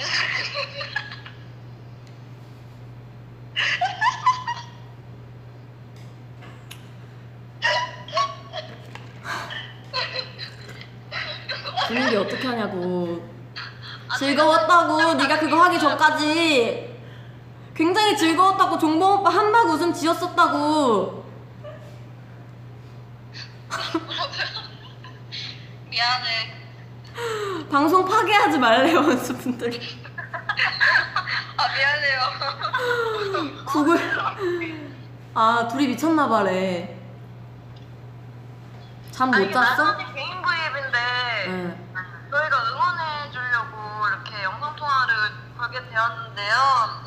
여러분 이제 인사를 드려야 할 것 같아요. 갑자기 무슨 얘기? 아니 아니 나영 언니 이제 해야죠 혼자. 그래 언니 남은 고민 있고 또 노래도 또 많이 불러주고 그래. 네, 좋은 시간 보내고 와요. 네 고맙다. 고마워요. 인사하고 가요 얼른. 오늘 공연 응원 와줘서 너무너무 고맙고 어제 5주년, 2주년 축하해줘서 너무너무 5주년? 우준현 뭔데? 네 혼자 우준현이야. 자기 5주년 아 진짜 5주년 아 너 우준현 됐다고?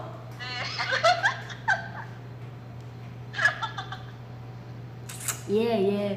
네, 어쨌든 채영아 잘 인사 네 고마워요 나연 언니 V앱 파이팅 진짜 진짜 빨리 가. 가. 나연 안녕. 언니 보고, 어. 보고 있는다 이따 봐. bye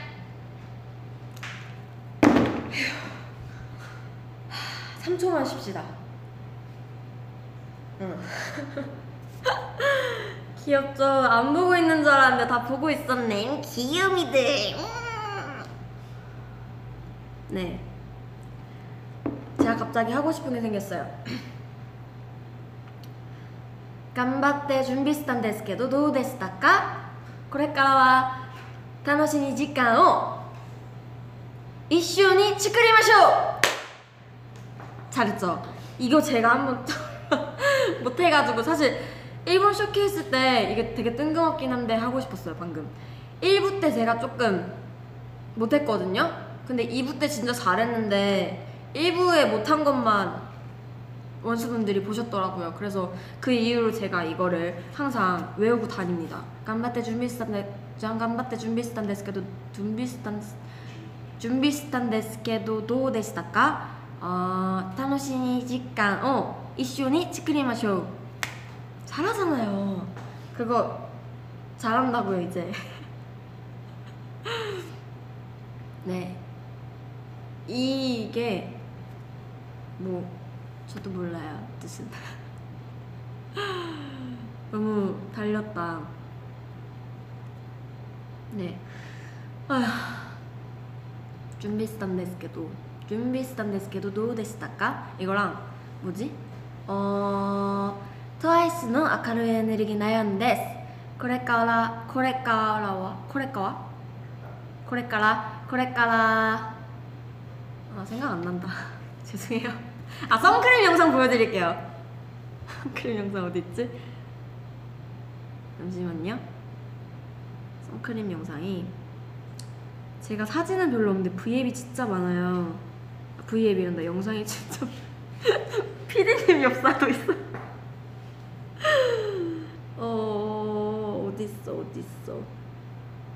어디 있지? 여기 있다.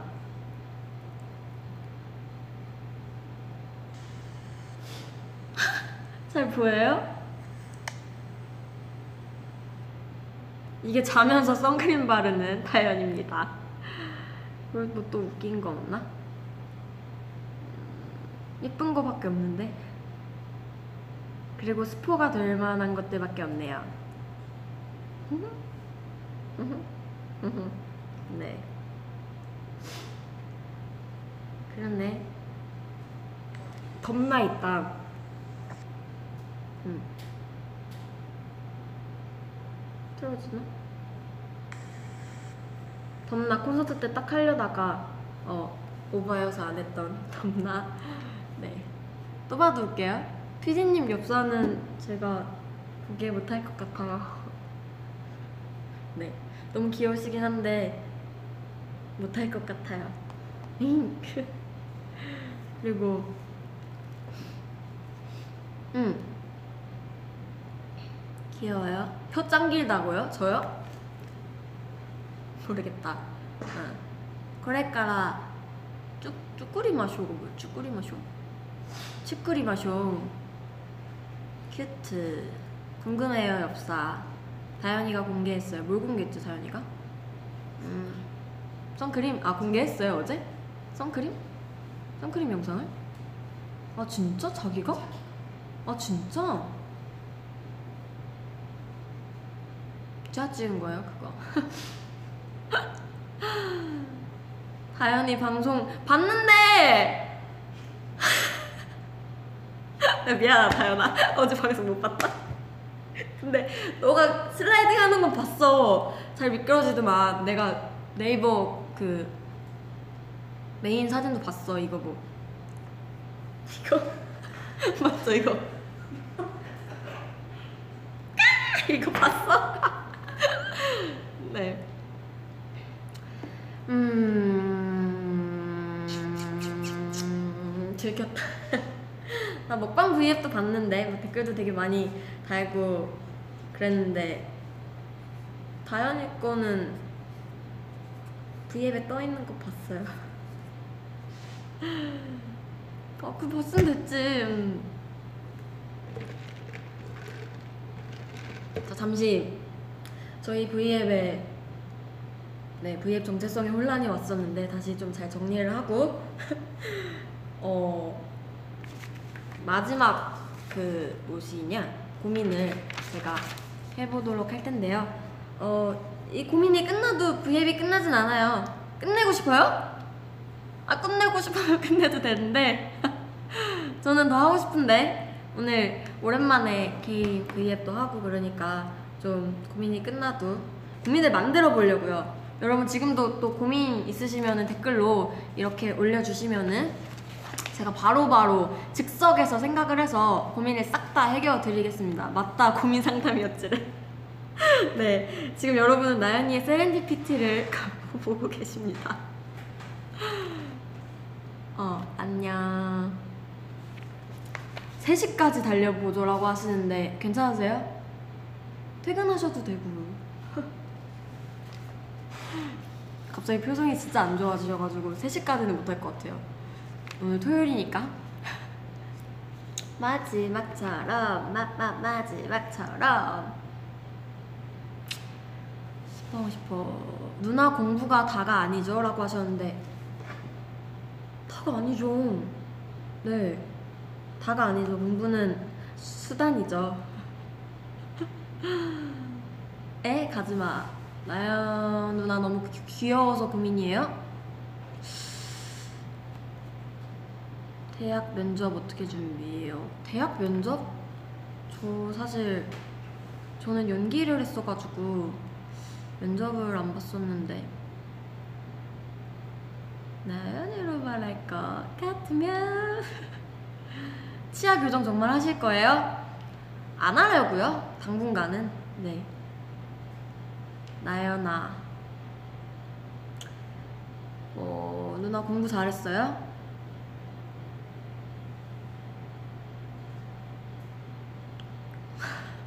잘할 때도 있었어요. 연기 보여줘요. 지금 계속 했잖아요. 저 고민 읽을 때마다 연기하고 있는데. 사랑해요. 음, 너무 빠르다. 언니 후배하고 싶어요. 들어와, 들어와. 치아 교정 절대 금지. 하지 말자, 교정. 치아는 안 돼요. 하지 마요, 하지 마요. 28kg 뺐는데 찌실까봐 고민이시래요. 28kg. 오, 되게 많이 빠졌는데. 짱. 고민에 고민 중. 급 조용. 복학할 거예요? 아, 맞아. 제 고민이에요, 요즘. 제 고민입니다, 복학이. 복학할지 말지 너무 고민되는데? 해야 될 것 같긴 한데, 엄두가 안 나네? 네, 복학이 저의 지금 고민입니다. 어, V앱 보다가 시험 공부 못했대요. 손 비교? 운전면허 붙을까요? 요즘 운전면허 시험 너무 어렵죠. 저도 그렇게 어렵게 따놓고 그 이후로 한 번도 운전을 해본 적이 없어요. 어, 복학이 고민이에요. 복학왕 되세요. 아, 복학하면 같이 다녀요. JYP 취직하고 싶어요? 음흠, 음흠, 음흠. 네, 많은 고민이 올라오는 가운데 제가 또 음, 다섯, 여섯 번째 고민을 읽어드리도록 하겠습니다. 마지막 고민. 모든 게 노재민 원스입니다. 어, 모든 게 노재민 원스 분의 마지막 고민을 제가 읽어볼 텐데, 네, 해보겠습니다. 안녕하세요. 20대 원스입니다. 저는요, 고등학교 때까지만 해도 매일 지겹도록 친구들과 만나서 놀곤 했는데, 이제는 모든 일에 흥미가 없고 귀찮아요. 트와이스 멤버들과 항상 즐거워 보이는 나연님아. 이럴 땐 어떻게 해야 하나요? 라고 고민을 해주셨는데, 음, 제가 최근에 어, 다 읽은 책이 하나 있거든요. 그 책에서 어, 이 고민을 보내주신 원스에게 꼭 제가 하고 싶은 말이 들어있는 글귀가 있어요. 그거를 제가 읽어드릴게요. 어, 거기에 이런 구절이 있거든요. 인생이 꼭 재밌어야만 할까. 항상 뭐 재밌는 일 없을까라고 군대 추천이래. 항상 뭐 재밌는 일이 없을까 생각하면서 사는 건 어, 좀 피곤한 일이 아닐까라는 구절이 있었어요. 근데 저도 항상 좀 가만히 있지 못하는 성격이어서 어, 굉장히 심심해하고 항상 뭐 재밌는 거 없을까 너무 심심하다 이렇게 입에 달고 살거든요. 근데 이 구절을 읽고 조금 저도 아차 싶더라고요. 굳이 매일매일 재밌게 사는 게 꼭 그럴 필요가 있을까? 네. 그런 생각을 했어요. 맞아요. 이거 보노보노 책인데 구절 하나 읽어드릴게요. 세월이 주는 장점 중 하나는 유연함이래요, 여러분. 그 유연함은 우리를 즐거움이나 재미에도 묻어내지게 만들어준대요. 이는 재미없이 사는 사람이라는 뜻도 있지만 재미가 없어도 사는 사람이라는 뜻도 있다는데 그런 의미에서 즐겁지 않은 삶은 그만큼 나쁠 것도 없대요, 여러분. 평범하게 사는 게 제일 어려운 거라고 여기 적혀 있는데 맞아요, 진짜 매일매일 이렇게 재밌게 살 순 없잖아요. 네. 어, 항상 재밌기만 하면 또 어, 그런 일상에서 주는 사소한 재미들이 크게 다가오지 않을 수도 있으니까. 하지만 20대 원스잖아요. 어, 제가 재밌지 않거나 조금 어, 재밌는 걸 찾고 싶을 때는 저는 하고 싶은 걸 조금 찾아요. 그날 그날 하고 싶은 거. 그날 그날 하고 싶은 건 뭐냐면 저로 예를 들면은 제가 아까 말했다시피 저는 요즘 운동을 하기 시작했거든요. 어, 운동을 하면서 조금 운동을 쉰 지 제가 되게 오래됐어요. 2년 만에 운동을 하는데 그래서 되게 막 운동하니까 기분도 좋고 되게 재밌더라고요. 오랜만에 해서. 그래서 운동을 하면서 재미도 좀 찾은 것 같고 또 제가 악기를 배워보고 싶어서 또 악기를 배워보려고 하거든요. 뭐 아직 시작은 안 했지만 네, 그렇게 제가 조금 하고 싶은 거나 재밌어 할 만한 것들을 저도 조금 찾고 있어요. 아니면은 되게 사소한 게 될 수도 있는데 뭐 아까 고민이었던 원스처럼 친구들이랑 여름 휴가 계획을 세워본다던가 이제 휴가니까 아니면은 진짜 맛집을 찾으러 다닌다던가 아니면은 어, 이 책도 되게 좋은데 책을 저는 보는 걸 되게 좋아하거든요. 책을 그냥 갖고만 있어도 되게 좋더라고요, 기분이. 그래서 책을 많이 읽는다던가 요즘 드라마나 또 제가 일본어 공부를 하고 있어서 일본 애니메이션이나 영화를 좀 많이 다운받았거든요. 그래서 그런 다운받은 영화들을 집에서 또 에어컨 시원하게 틀고 본다던가 그런 세상에 재밌는 일을 찾으려면 얼마나 많은데 여러분 재미없다라고 생각하면은 맞아요 끝도 없지만 요즘 저도 그 생각을 많이 해서 재밌는 일들을 조금 제가 스스로 찾아다니는 중이에요.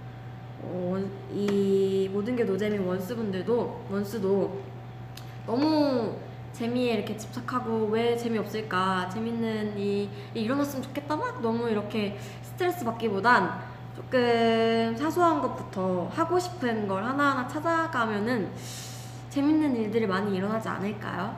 또 요즘은 배우는 재미가 또 있더라고요. 저도 언어도 배우고 뭐 요즘 노래 레슨, 보컬 레슨도 조금 다시 하는 하고 있는 중이고 그렇게 뭔가를 새로 배우면 또 재밌고 그러던데 좀 네, 하고 싶은 거나 배워보고 싶은 것들을 이번 기회에 시작해보는 것도 나쁘지 않은 것 같아요. 저는 복싱, 복싱도 해보고 싶어가지고 복싱도 하려고 했어요. 모모랑 쯔이랑.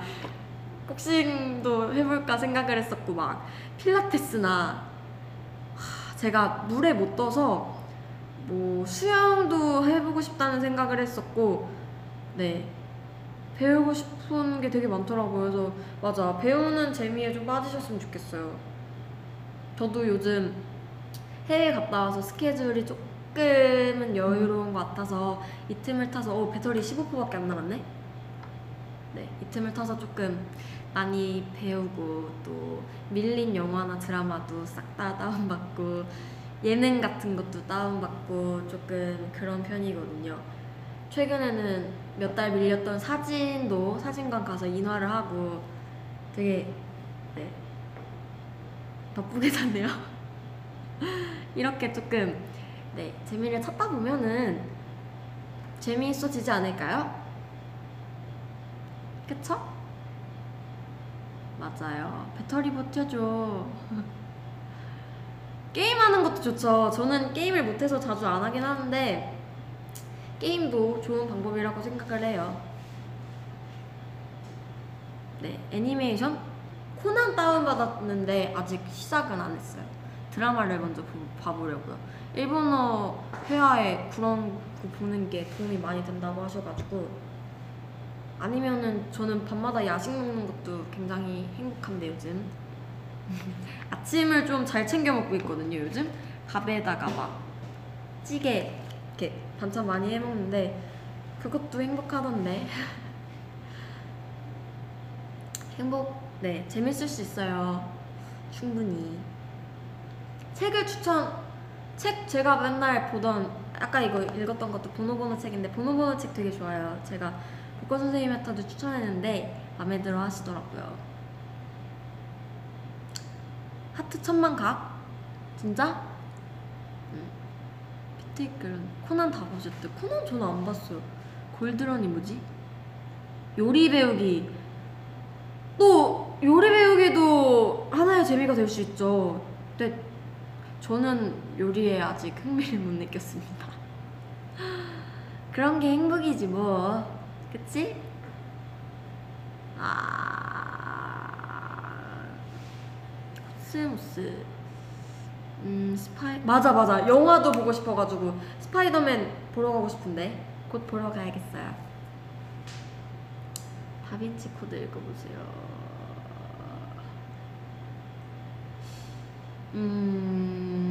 음, 혼- 맞아. 최근에도 저 노래방 갔어요. 코인 노래방이 요즘 대세던데. 코인 노래방 가서 어, 2,000원에 네, 1,000원에 네 곡이었다. 1,000원 넣고 네 곡 부르고 나왔어요. 코인 노래방도 재밌던데. 여러분 코인 노래방 이용해 봐봐요. 트와이스 보는 게 행복이지. 헉! 마피아 게임. 군함도 보고 싶어요. 심야 맞아 심야 식당도 재밌다던데. 음, 옥자 옥자 볼 거예요. 다 볼 거야 나. 쉴 때 다 볼 거야. 인형 뽑기 재밌죠. 애창곡? 요즘 애창곡 뭐 있지? 기억이 안 나네. 부루마블. 음, 쿠키 영상. 맞아요. 다들 그 쿠키 영상 얘기를 하시던데. 봐봐야겠어요. 스파이더맨 진짜 재밌대요. 미니언. 방탈출! 방탈출 재밌죠? 음, 청소하기 장마 원피스 많은 댓글들이 올라오고 있는데. 어쨌든 고민이 조금 해결이 되셨나? 모르겠다. 제 나름대로 저의 개인적인 저도 이런 고민 진짜 많이 하거든요. 근데 이 고민은 모든 원스분들 모든 분들이 하시는 것 같아요. 매일매일 즐겁고 재밌을 수 없으니까. 네. 저희도 사실 뭐 평소에 V를 갑자기 뭐 킨다던가 이런 것도 다 심심해서 키는 거거든요. 재밌으려고. 그런 네, 사소한 것들을 찾다 보면은 매일매일 재밌을 거예요. 또 매일매일 재밌지 않아도 충분합니다, 여러분. 아, 예능 보기. 맞아, 근데 이제 노래를 틀 시간인데. 맞아, 맞아. 음, 다음 곡은요. 선미 언니의 곡인데, 어, 이 노래도 제가 되게 좋아해요. 선미 언니의 멈춰버린 시간 들려드리겠습니다. 뜬금없네.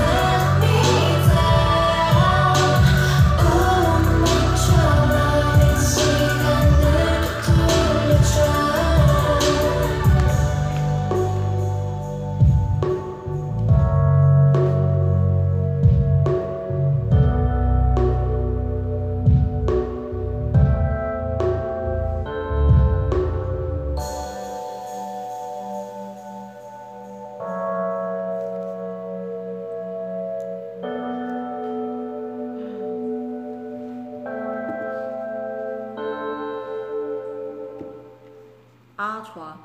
노래 좋아요. 좋죠 노래.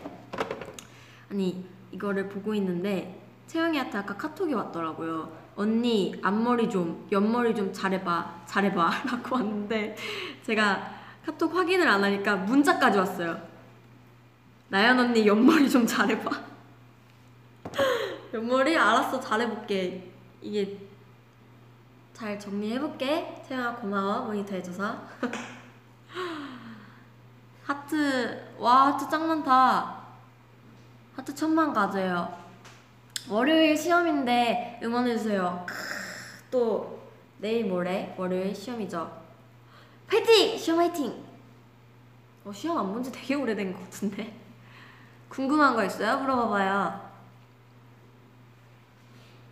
맞아 제가 요즘 최근에 타이 마사지를 받았었거든요?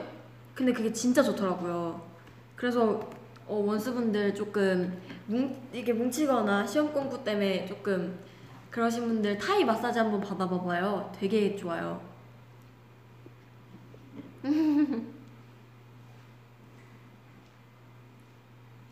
천만 가요. 애교 애, 애, 애교 안 해줄 거예요. 피부 관리 어떻게 해요? 피부 관리? 피부 관리는 음, 피부 관리 어떡하지? 하, 자기한테 맞는 걸 쓰는 게 가장 중요하죠. 저는 메이크업을 많이 해가지고 메이크업 할 때 저는 되게 얇게 하는 편이에요. 그 피부 화장을 메이크업 언니들이 되게 얇게 해주셔가지고 막 답답하지 않아요. 오랜 시간 메이크업을 해도. 그래서 좋더라고요. 그리고 진짜 잘 씻는 게 진짜 중요하고 꼼꼼히 씻는 게 제일 중요해요. 그리고 제가 최근에 일본에서 그걸 샀거든요. 그 이제 어, 일본에서 쇼핑을 하다가 일본 그 현지 분들이 하나씩은 꼭 사시길래 무슨 뜻인지 모르는데도 하나 사봤어요. 그게 이렇게 뽑아 쓰는 티슈처럼 돼 있는데 아침에 그 세수하기 귀찮잖아요, 여러분. 그럴 때 세수 안 하고 그냥 붙인 다음에 한 5분 있다 이걸 닦아내서 이제 바로 화장을 하면 돼요. 그런 것도 요즘 나왔던데. 좀 더럽나? 그거 해봤는데 괜찮던데. 약간 그런 신기한 거 찾아 쓰는 것도 전 좋아해요. 팩, 팩 같은 거 좋아하고, 네. 그런 것 같아요. 근데 요즘 덥고 햇빛이 세니까 밖에 많이 돌아다녔으면은 배터리 충전됨? 네, 되는데. 되고 있어요. 8%예요, 8%. 8%인데 되고 있어요. 되고 있어요. 여드름 안 나게 하는 법? 여드름 안 나게 하는 법? 어, 저도, 저 되게 막 뾰루지 같은 거 저도 많이 났었거든요. 데뷔 초 때까지도 막 스케줄 되게 빡, 네. 스케줄 되게 음, 강하게 하고 어, 잠 많이 못 자고 두껍게 메이크업 했는데 막 하루 종일 이렇게 있었을 때 뾰루지 같은 게 났었는데 솔직히 피부에는 잠이 최고죠. 많이 자고 어... 아 맞아 맞아 맞아. 제가 학창 시절 때 토마토가 피부에 좋다고 그래가지고 토마토를 진짜 싫어하는데 일주일 내내 토마토를 하루 종일 먹었던 적이 있거든요. 진짜 피부 좋아졌어요. 정말 많이 좋았어요. 토마토 진짜 도움 많이 되는 것 같아요. 그쵸? 뭐 드셔보셨어요? 토마토? 피부 좋아졌어요? 꾸준히 드시고 계세요? 모르겠네. 토마토 진짜 피부에 좋아요. 토마토도 좋고 어, 또 뭐 좋지? 물도 되게 좋다고 해서 저도 느꼈는데 사실 물을 제가 잘 안 마셔서 추천을 못 해드리겠다. 토마토 진짜 좋아요. 토마토 좋고 음, 귀찮아서 선크림 안 바르시는 분들 진짜 많은데 남자분들이셔도 선크림 꼭 발라야 돼요. 요즘 같은 날씨에는 뭐 비가 와가지고 흐리다 해도 햇빛이 장난 아니거든요. 네, 선크림 꼭 바르시고 모짜리 토마토 토마토 많이 드세요. 맛있 맛이 네 좋아요. 음 단발 빨리 보여주세요. 고민해볼게요. 천만 공약 공약 걸까 천만 천만이 얼마 안 남은 거예요 이게? 얼마 안 남았어요? 천만 공약 뭐 했으면 좋겠어요?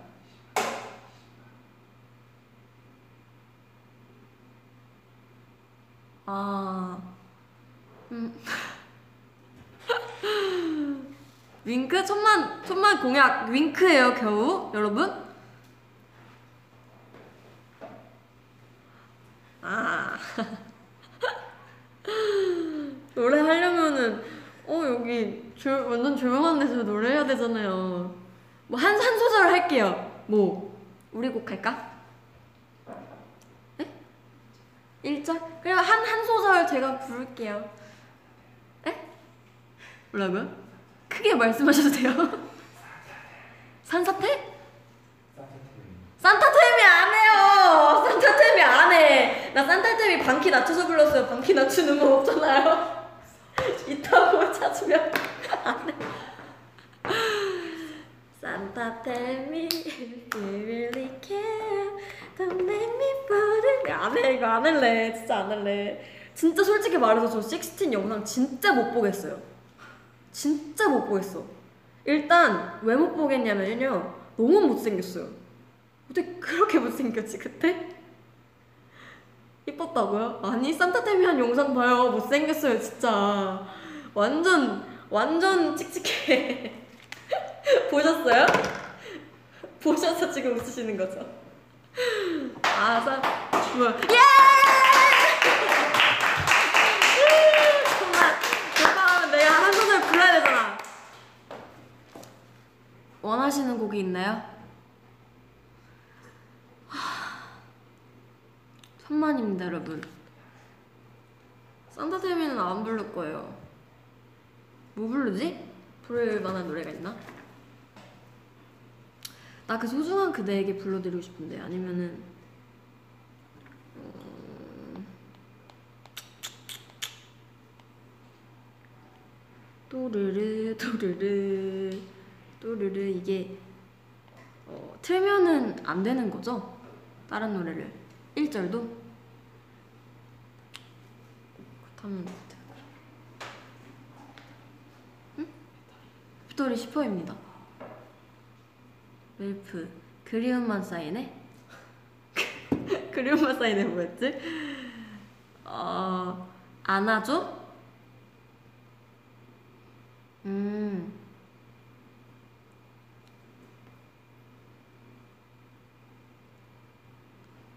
음.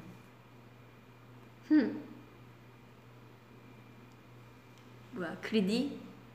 그리디는 그리디는 이 여기서 못 불러요.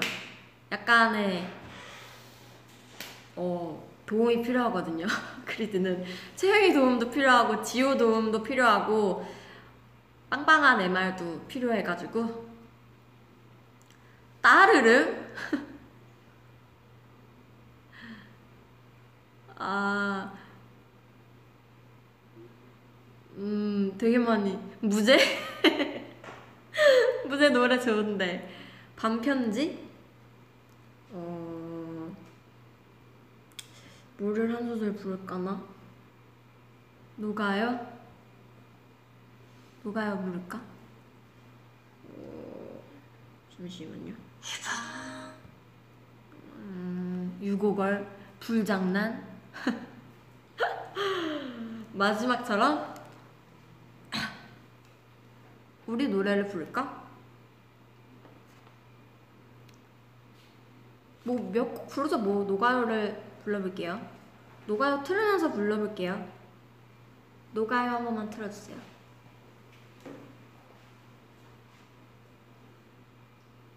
나중에 이거 내가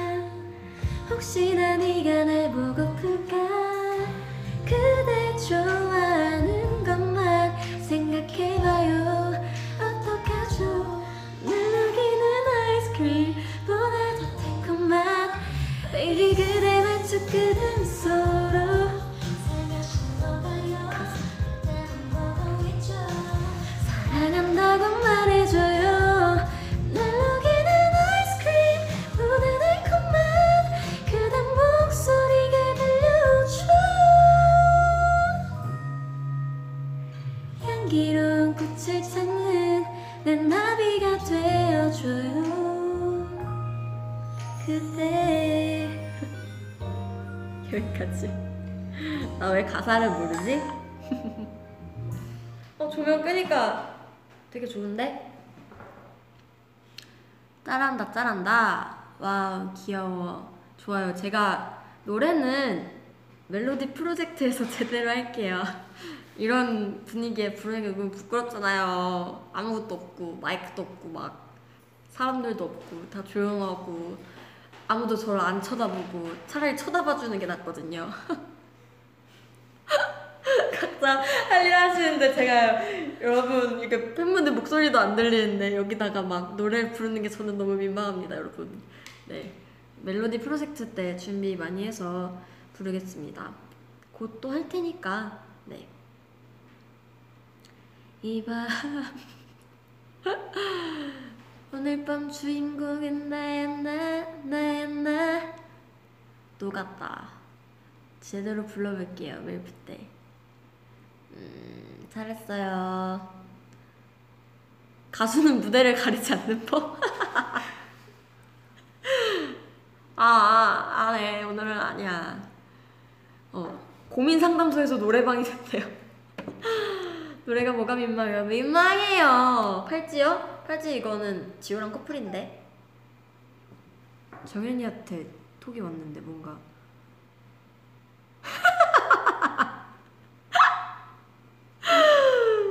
정현이, 야, 너 언제 봤냐? 지금 보는 거면 얘 분명히 모니터하다 자기 사진 봤네. 정현이 카톡이 왔는데, 와, 크크크크. 나연 언니 내 과사, 점점점, 와, 크크크크. 복수할 거임. 나 노트북에 완전 많은 거 알지? 크크기라고 왔는데, 뭐 나는 지금도 내 엽서 공개할 수 있는데? 나는 그런 거 두렵지 않아. 모시모시. 와, 저 죄송한데 제가 방송 중이라서요, 정현 씨. 와, 내 과자 언니 와, 나 이거- 지금 봤다. 이거 제 개인 방송이라서요. 지금 내 길게. 복수할 거야, 내 노트북이 언니 알지? 네 죄송한데 잘 안 들려요. 뭐라고요? 어, 노트북이 알지? 알았어. 뭐라고요? 삐. 아, 야 내가 선수 칠래. 어 제가 제 엽사 보내 보여드릴 수 있어요. 뭐 어때? 봐봐요 이거. 이거 제 고등학교 때 사진인데 분명히 이런 걸 뿌릴 거란 말이에요. 이런 거. 이런 거 여러분 캡처하세요. capture해요. 캡처해요. 내가 선수 쳤어. 야 뿌려봐. 나 이런 거 두려워하지 않아. 엽사 또 없어 내 거? 다 보고 다 봐, 다 봐. 여러분 다 봐요. 다, 다 봐. 다 봐봐. 엽사를 두려워하는 거는 아니지. 나 지우의 엽사도 진짜 뿌리고 싶은데 지우가 진심으로 화낼 것 같아서 못 뿌리겠다. 이거 봐봐요. 이것도 웃기다요. 이거 저희 단체 사진인데 오른쪽만 크다요. 이런 저희 단체 카카오 에야 단체 아에 뭐라 그래 단체 톡에 네 이런 엽사를 많이 보내고 있습니다. 제가 막 V앱 본 것도 이렇게 캡처해서 보내고 사실 제 필카로 찍은 사진이 굉장히 많은데 스포되니까 안 보여줘야지. 엽사 없나? 엽사 진짜 많이 보냈는데 엽사 없어? 정현이 엽사 없나? 이거 몇 개 더 선수 쳐야 되는데. 정현이 엽사 없나? 아 있다. 있어. 있는데 왜 다운로드가 안 돼? 잠시만요. 있네 있네 있네. 어 이거 왜 다운이 안 되지? 어 이거 왜 다운이 안 되지? 어 왜 왜? 보여줘야 되는데 이거 다운이 안 돼? 좀 이거 이거 캡처해서 크게 확대를 보자. 정현이가 꼭 스케줄이 끝나면은 무조건 바로 바로 메이크업을 지워요. 그 메이크업을 지우는 사진입니다. 지금 보고 있지 않겠지, 유정현? 이거 이렇게 확대하면 보일라나? 응. 메 메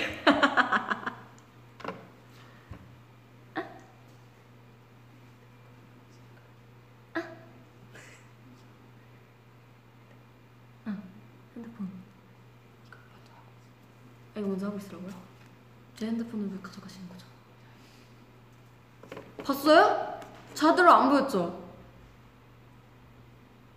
했어요. 네. 다시 보여드릴게요.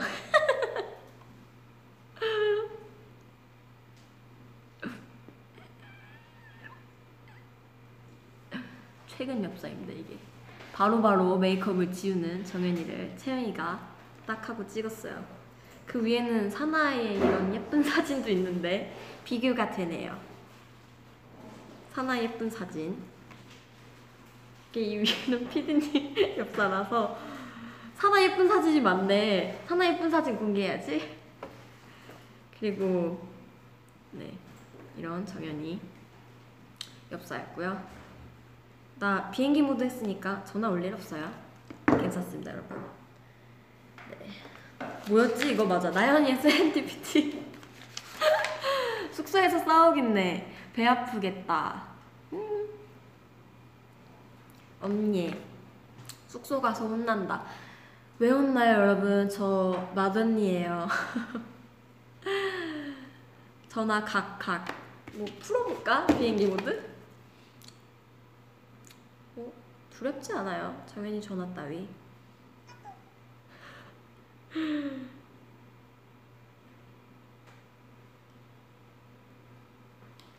어, 정연이 진짜 화났다.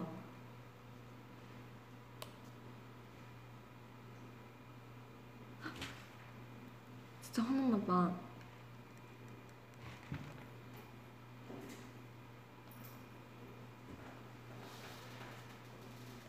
다 불러 정연아. 어 정연이 삐졌어. 큰일 났다.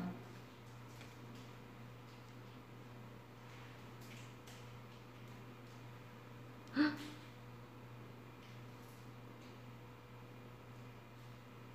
괜찮아.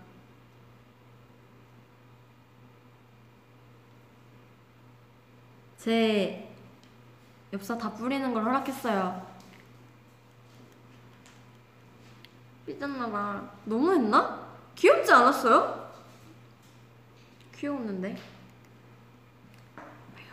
원스가 귀엽다고 해줘야지. 당연히 기분이 좋아지니까 빨리 귀엽다고 많이 해요.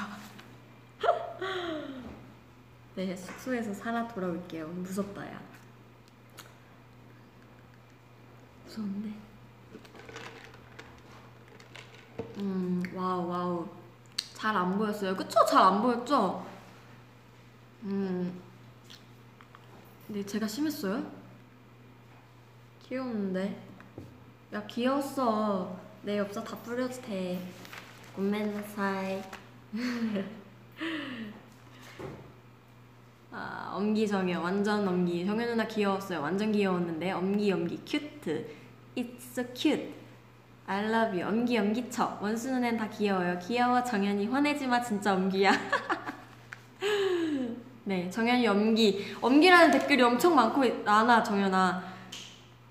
갑자기 상황이 완전 귀여웠어요. 괜찮은데 진짜로 큐트. 네, 네 알겠습니다. 소장 가기래 정연아. 네. 후, 네.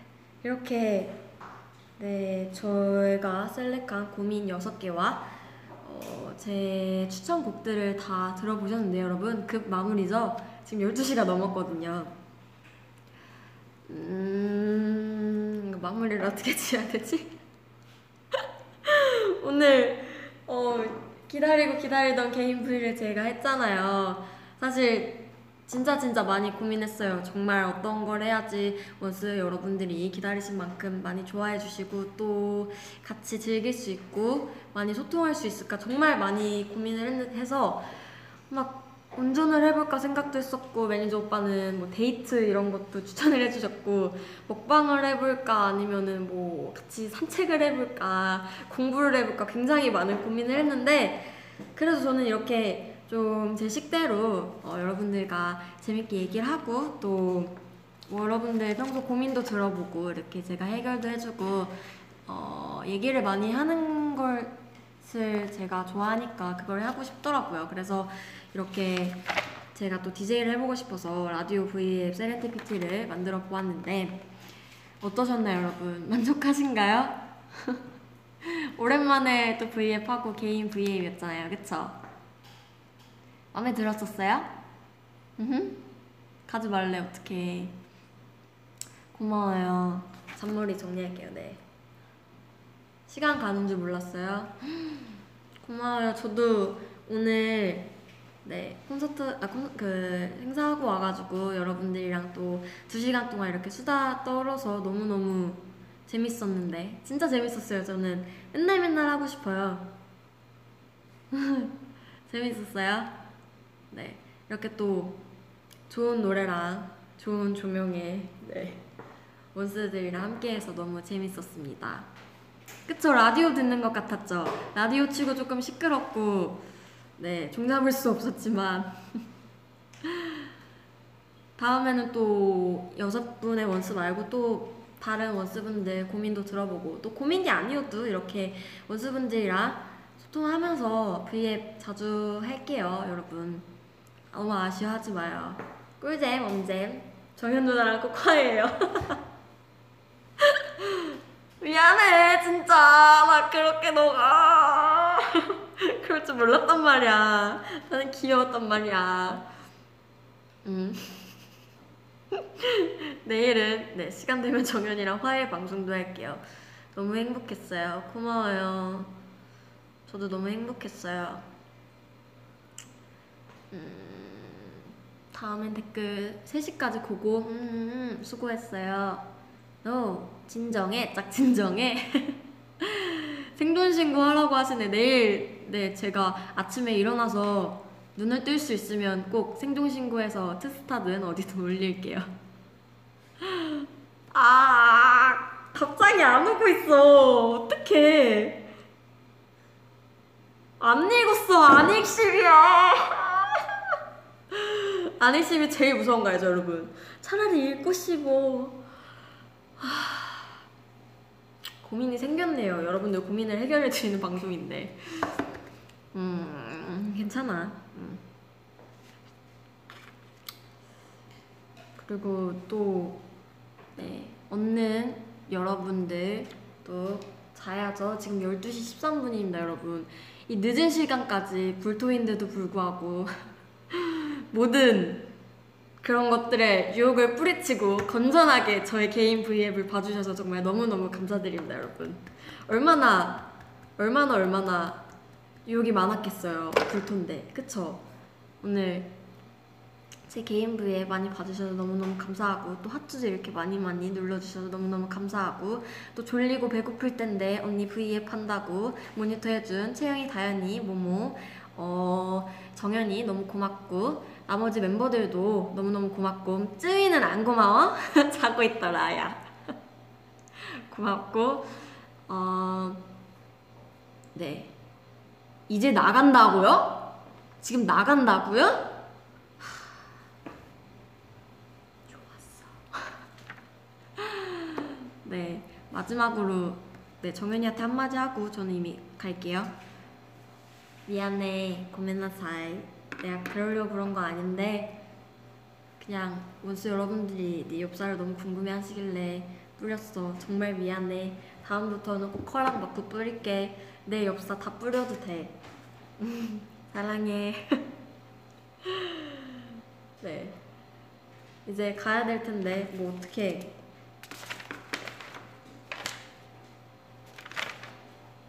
어머 추천곡이 두 개 남았네? 어떡하죠? 마지막 것만 할까요? 네, 제가 빠뜨렸어요 추천곡을 하나. 그 추천곡은 다음에 꼭 들려드릴게요. 어, 이렇게 또 두 시간이 훌쩍 지나갔는데, 음, 제가 또 솔직한 제 이야기를 하고 원스의 솔직한 이야기도 들어봐서 너무너무 좋았던 시간입니다. 자꾸 반복이 되는 것 같은데. 여기 대본에 나온 것처럼 또 하고 싶은 말들을 하고 또 공감받고 위로받을 수 있다는 건 진짜 큰 감사인 것 같아요. 원스 너무너무 고마워요. 나 너무 좋았어 오늘 두 시간. 꿀잼이었어. 꿀잼 선사해줘서 고마워요. 그리고 어, 내일의 원스를 나연이가 많이 많이 응원하겠습니다. 내일도 수고해요 여러분. 오늘도 잘 자고. 음, 네, 마지막으로 지금 또 제가 전달할 메시지를 담긴 노래를 추천하고 저는 이만 돌아가도록 하겠습니다. 마지막 곡 박진영 PD님의 나 돌아가 들을게요. 안녕, 난 들어가.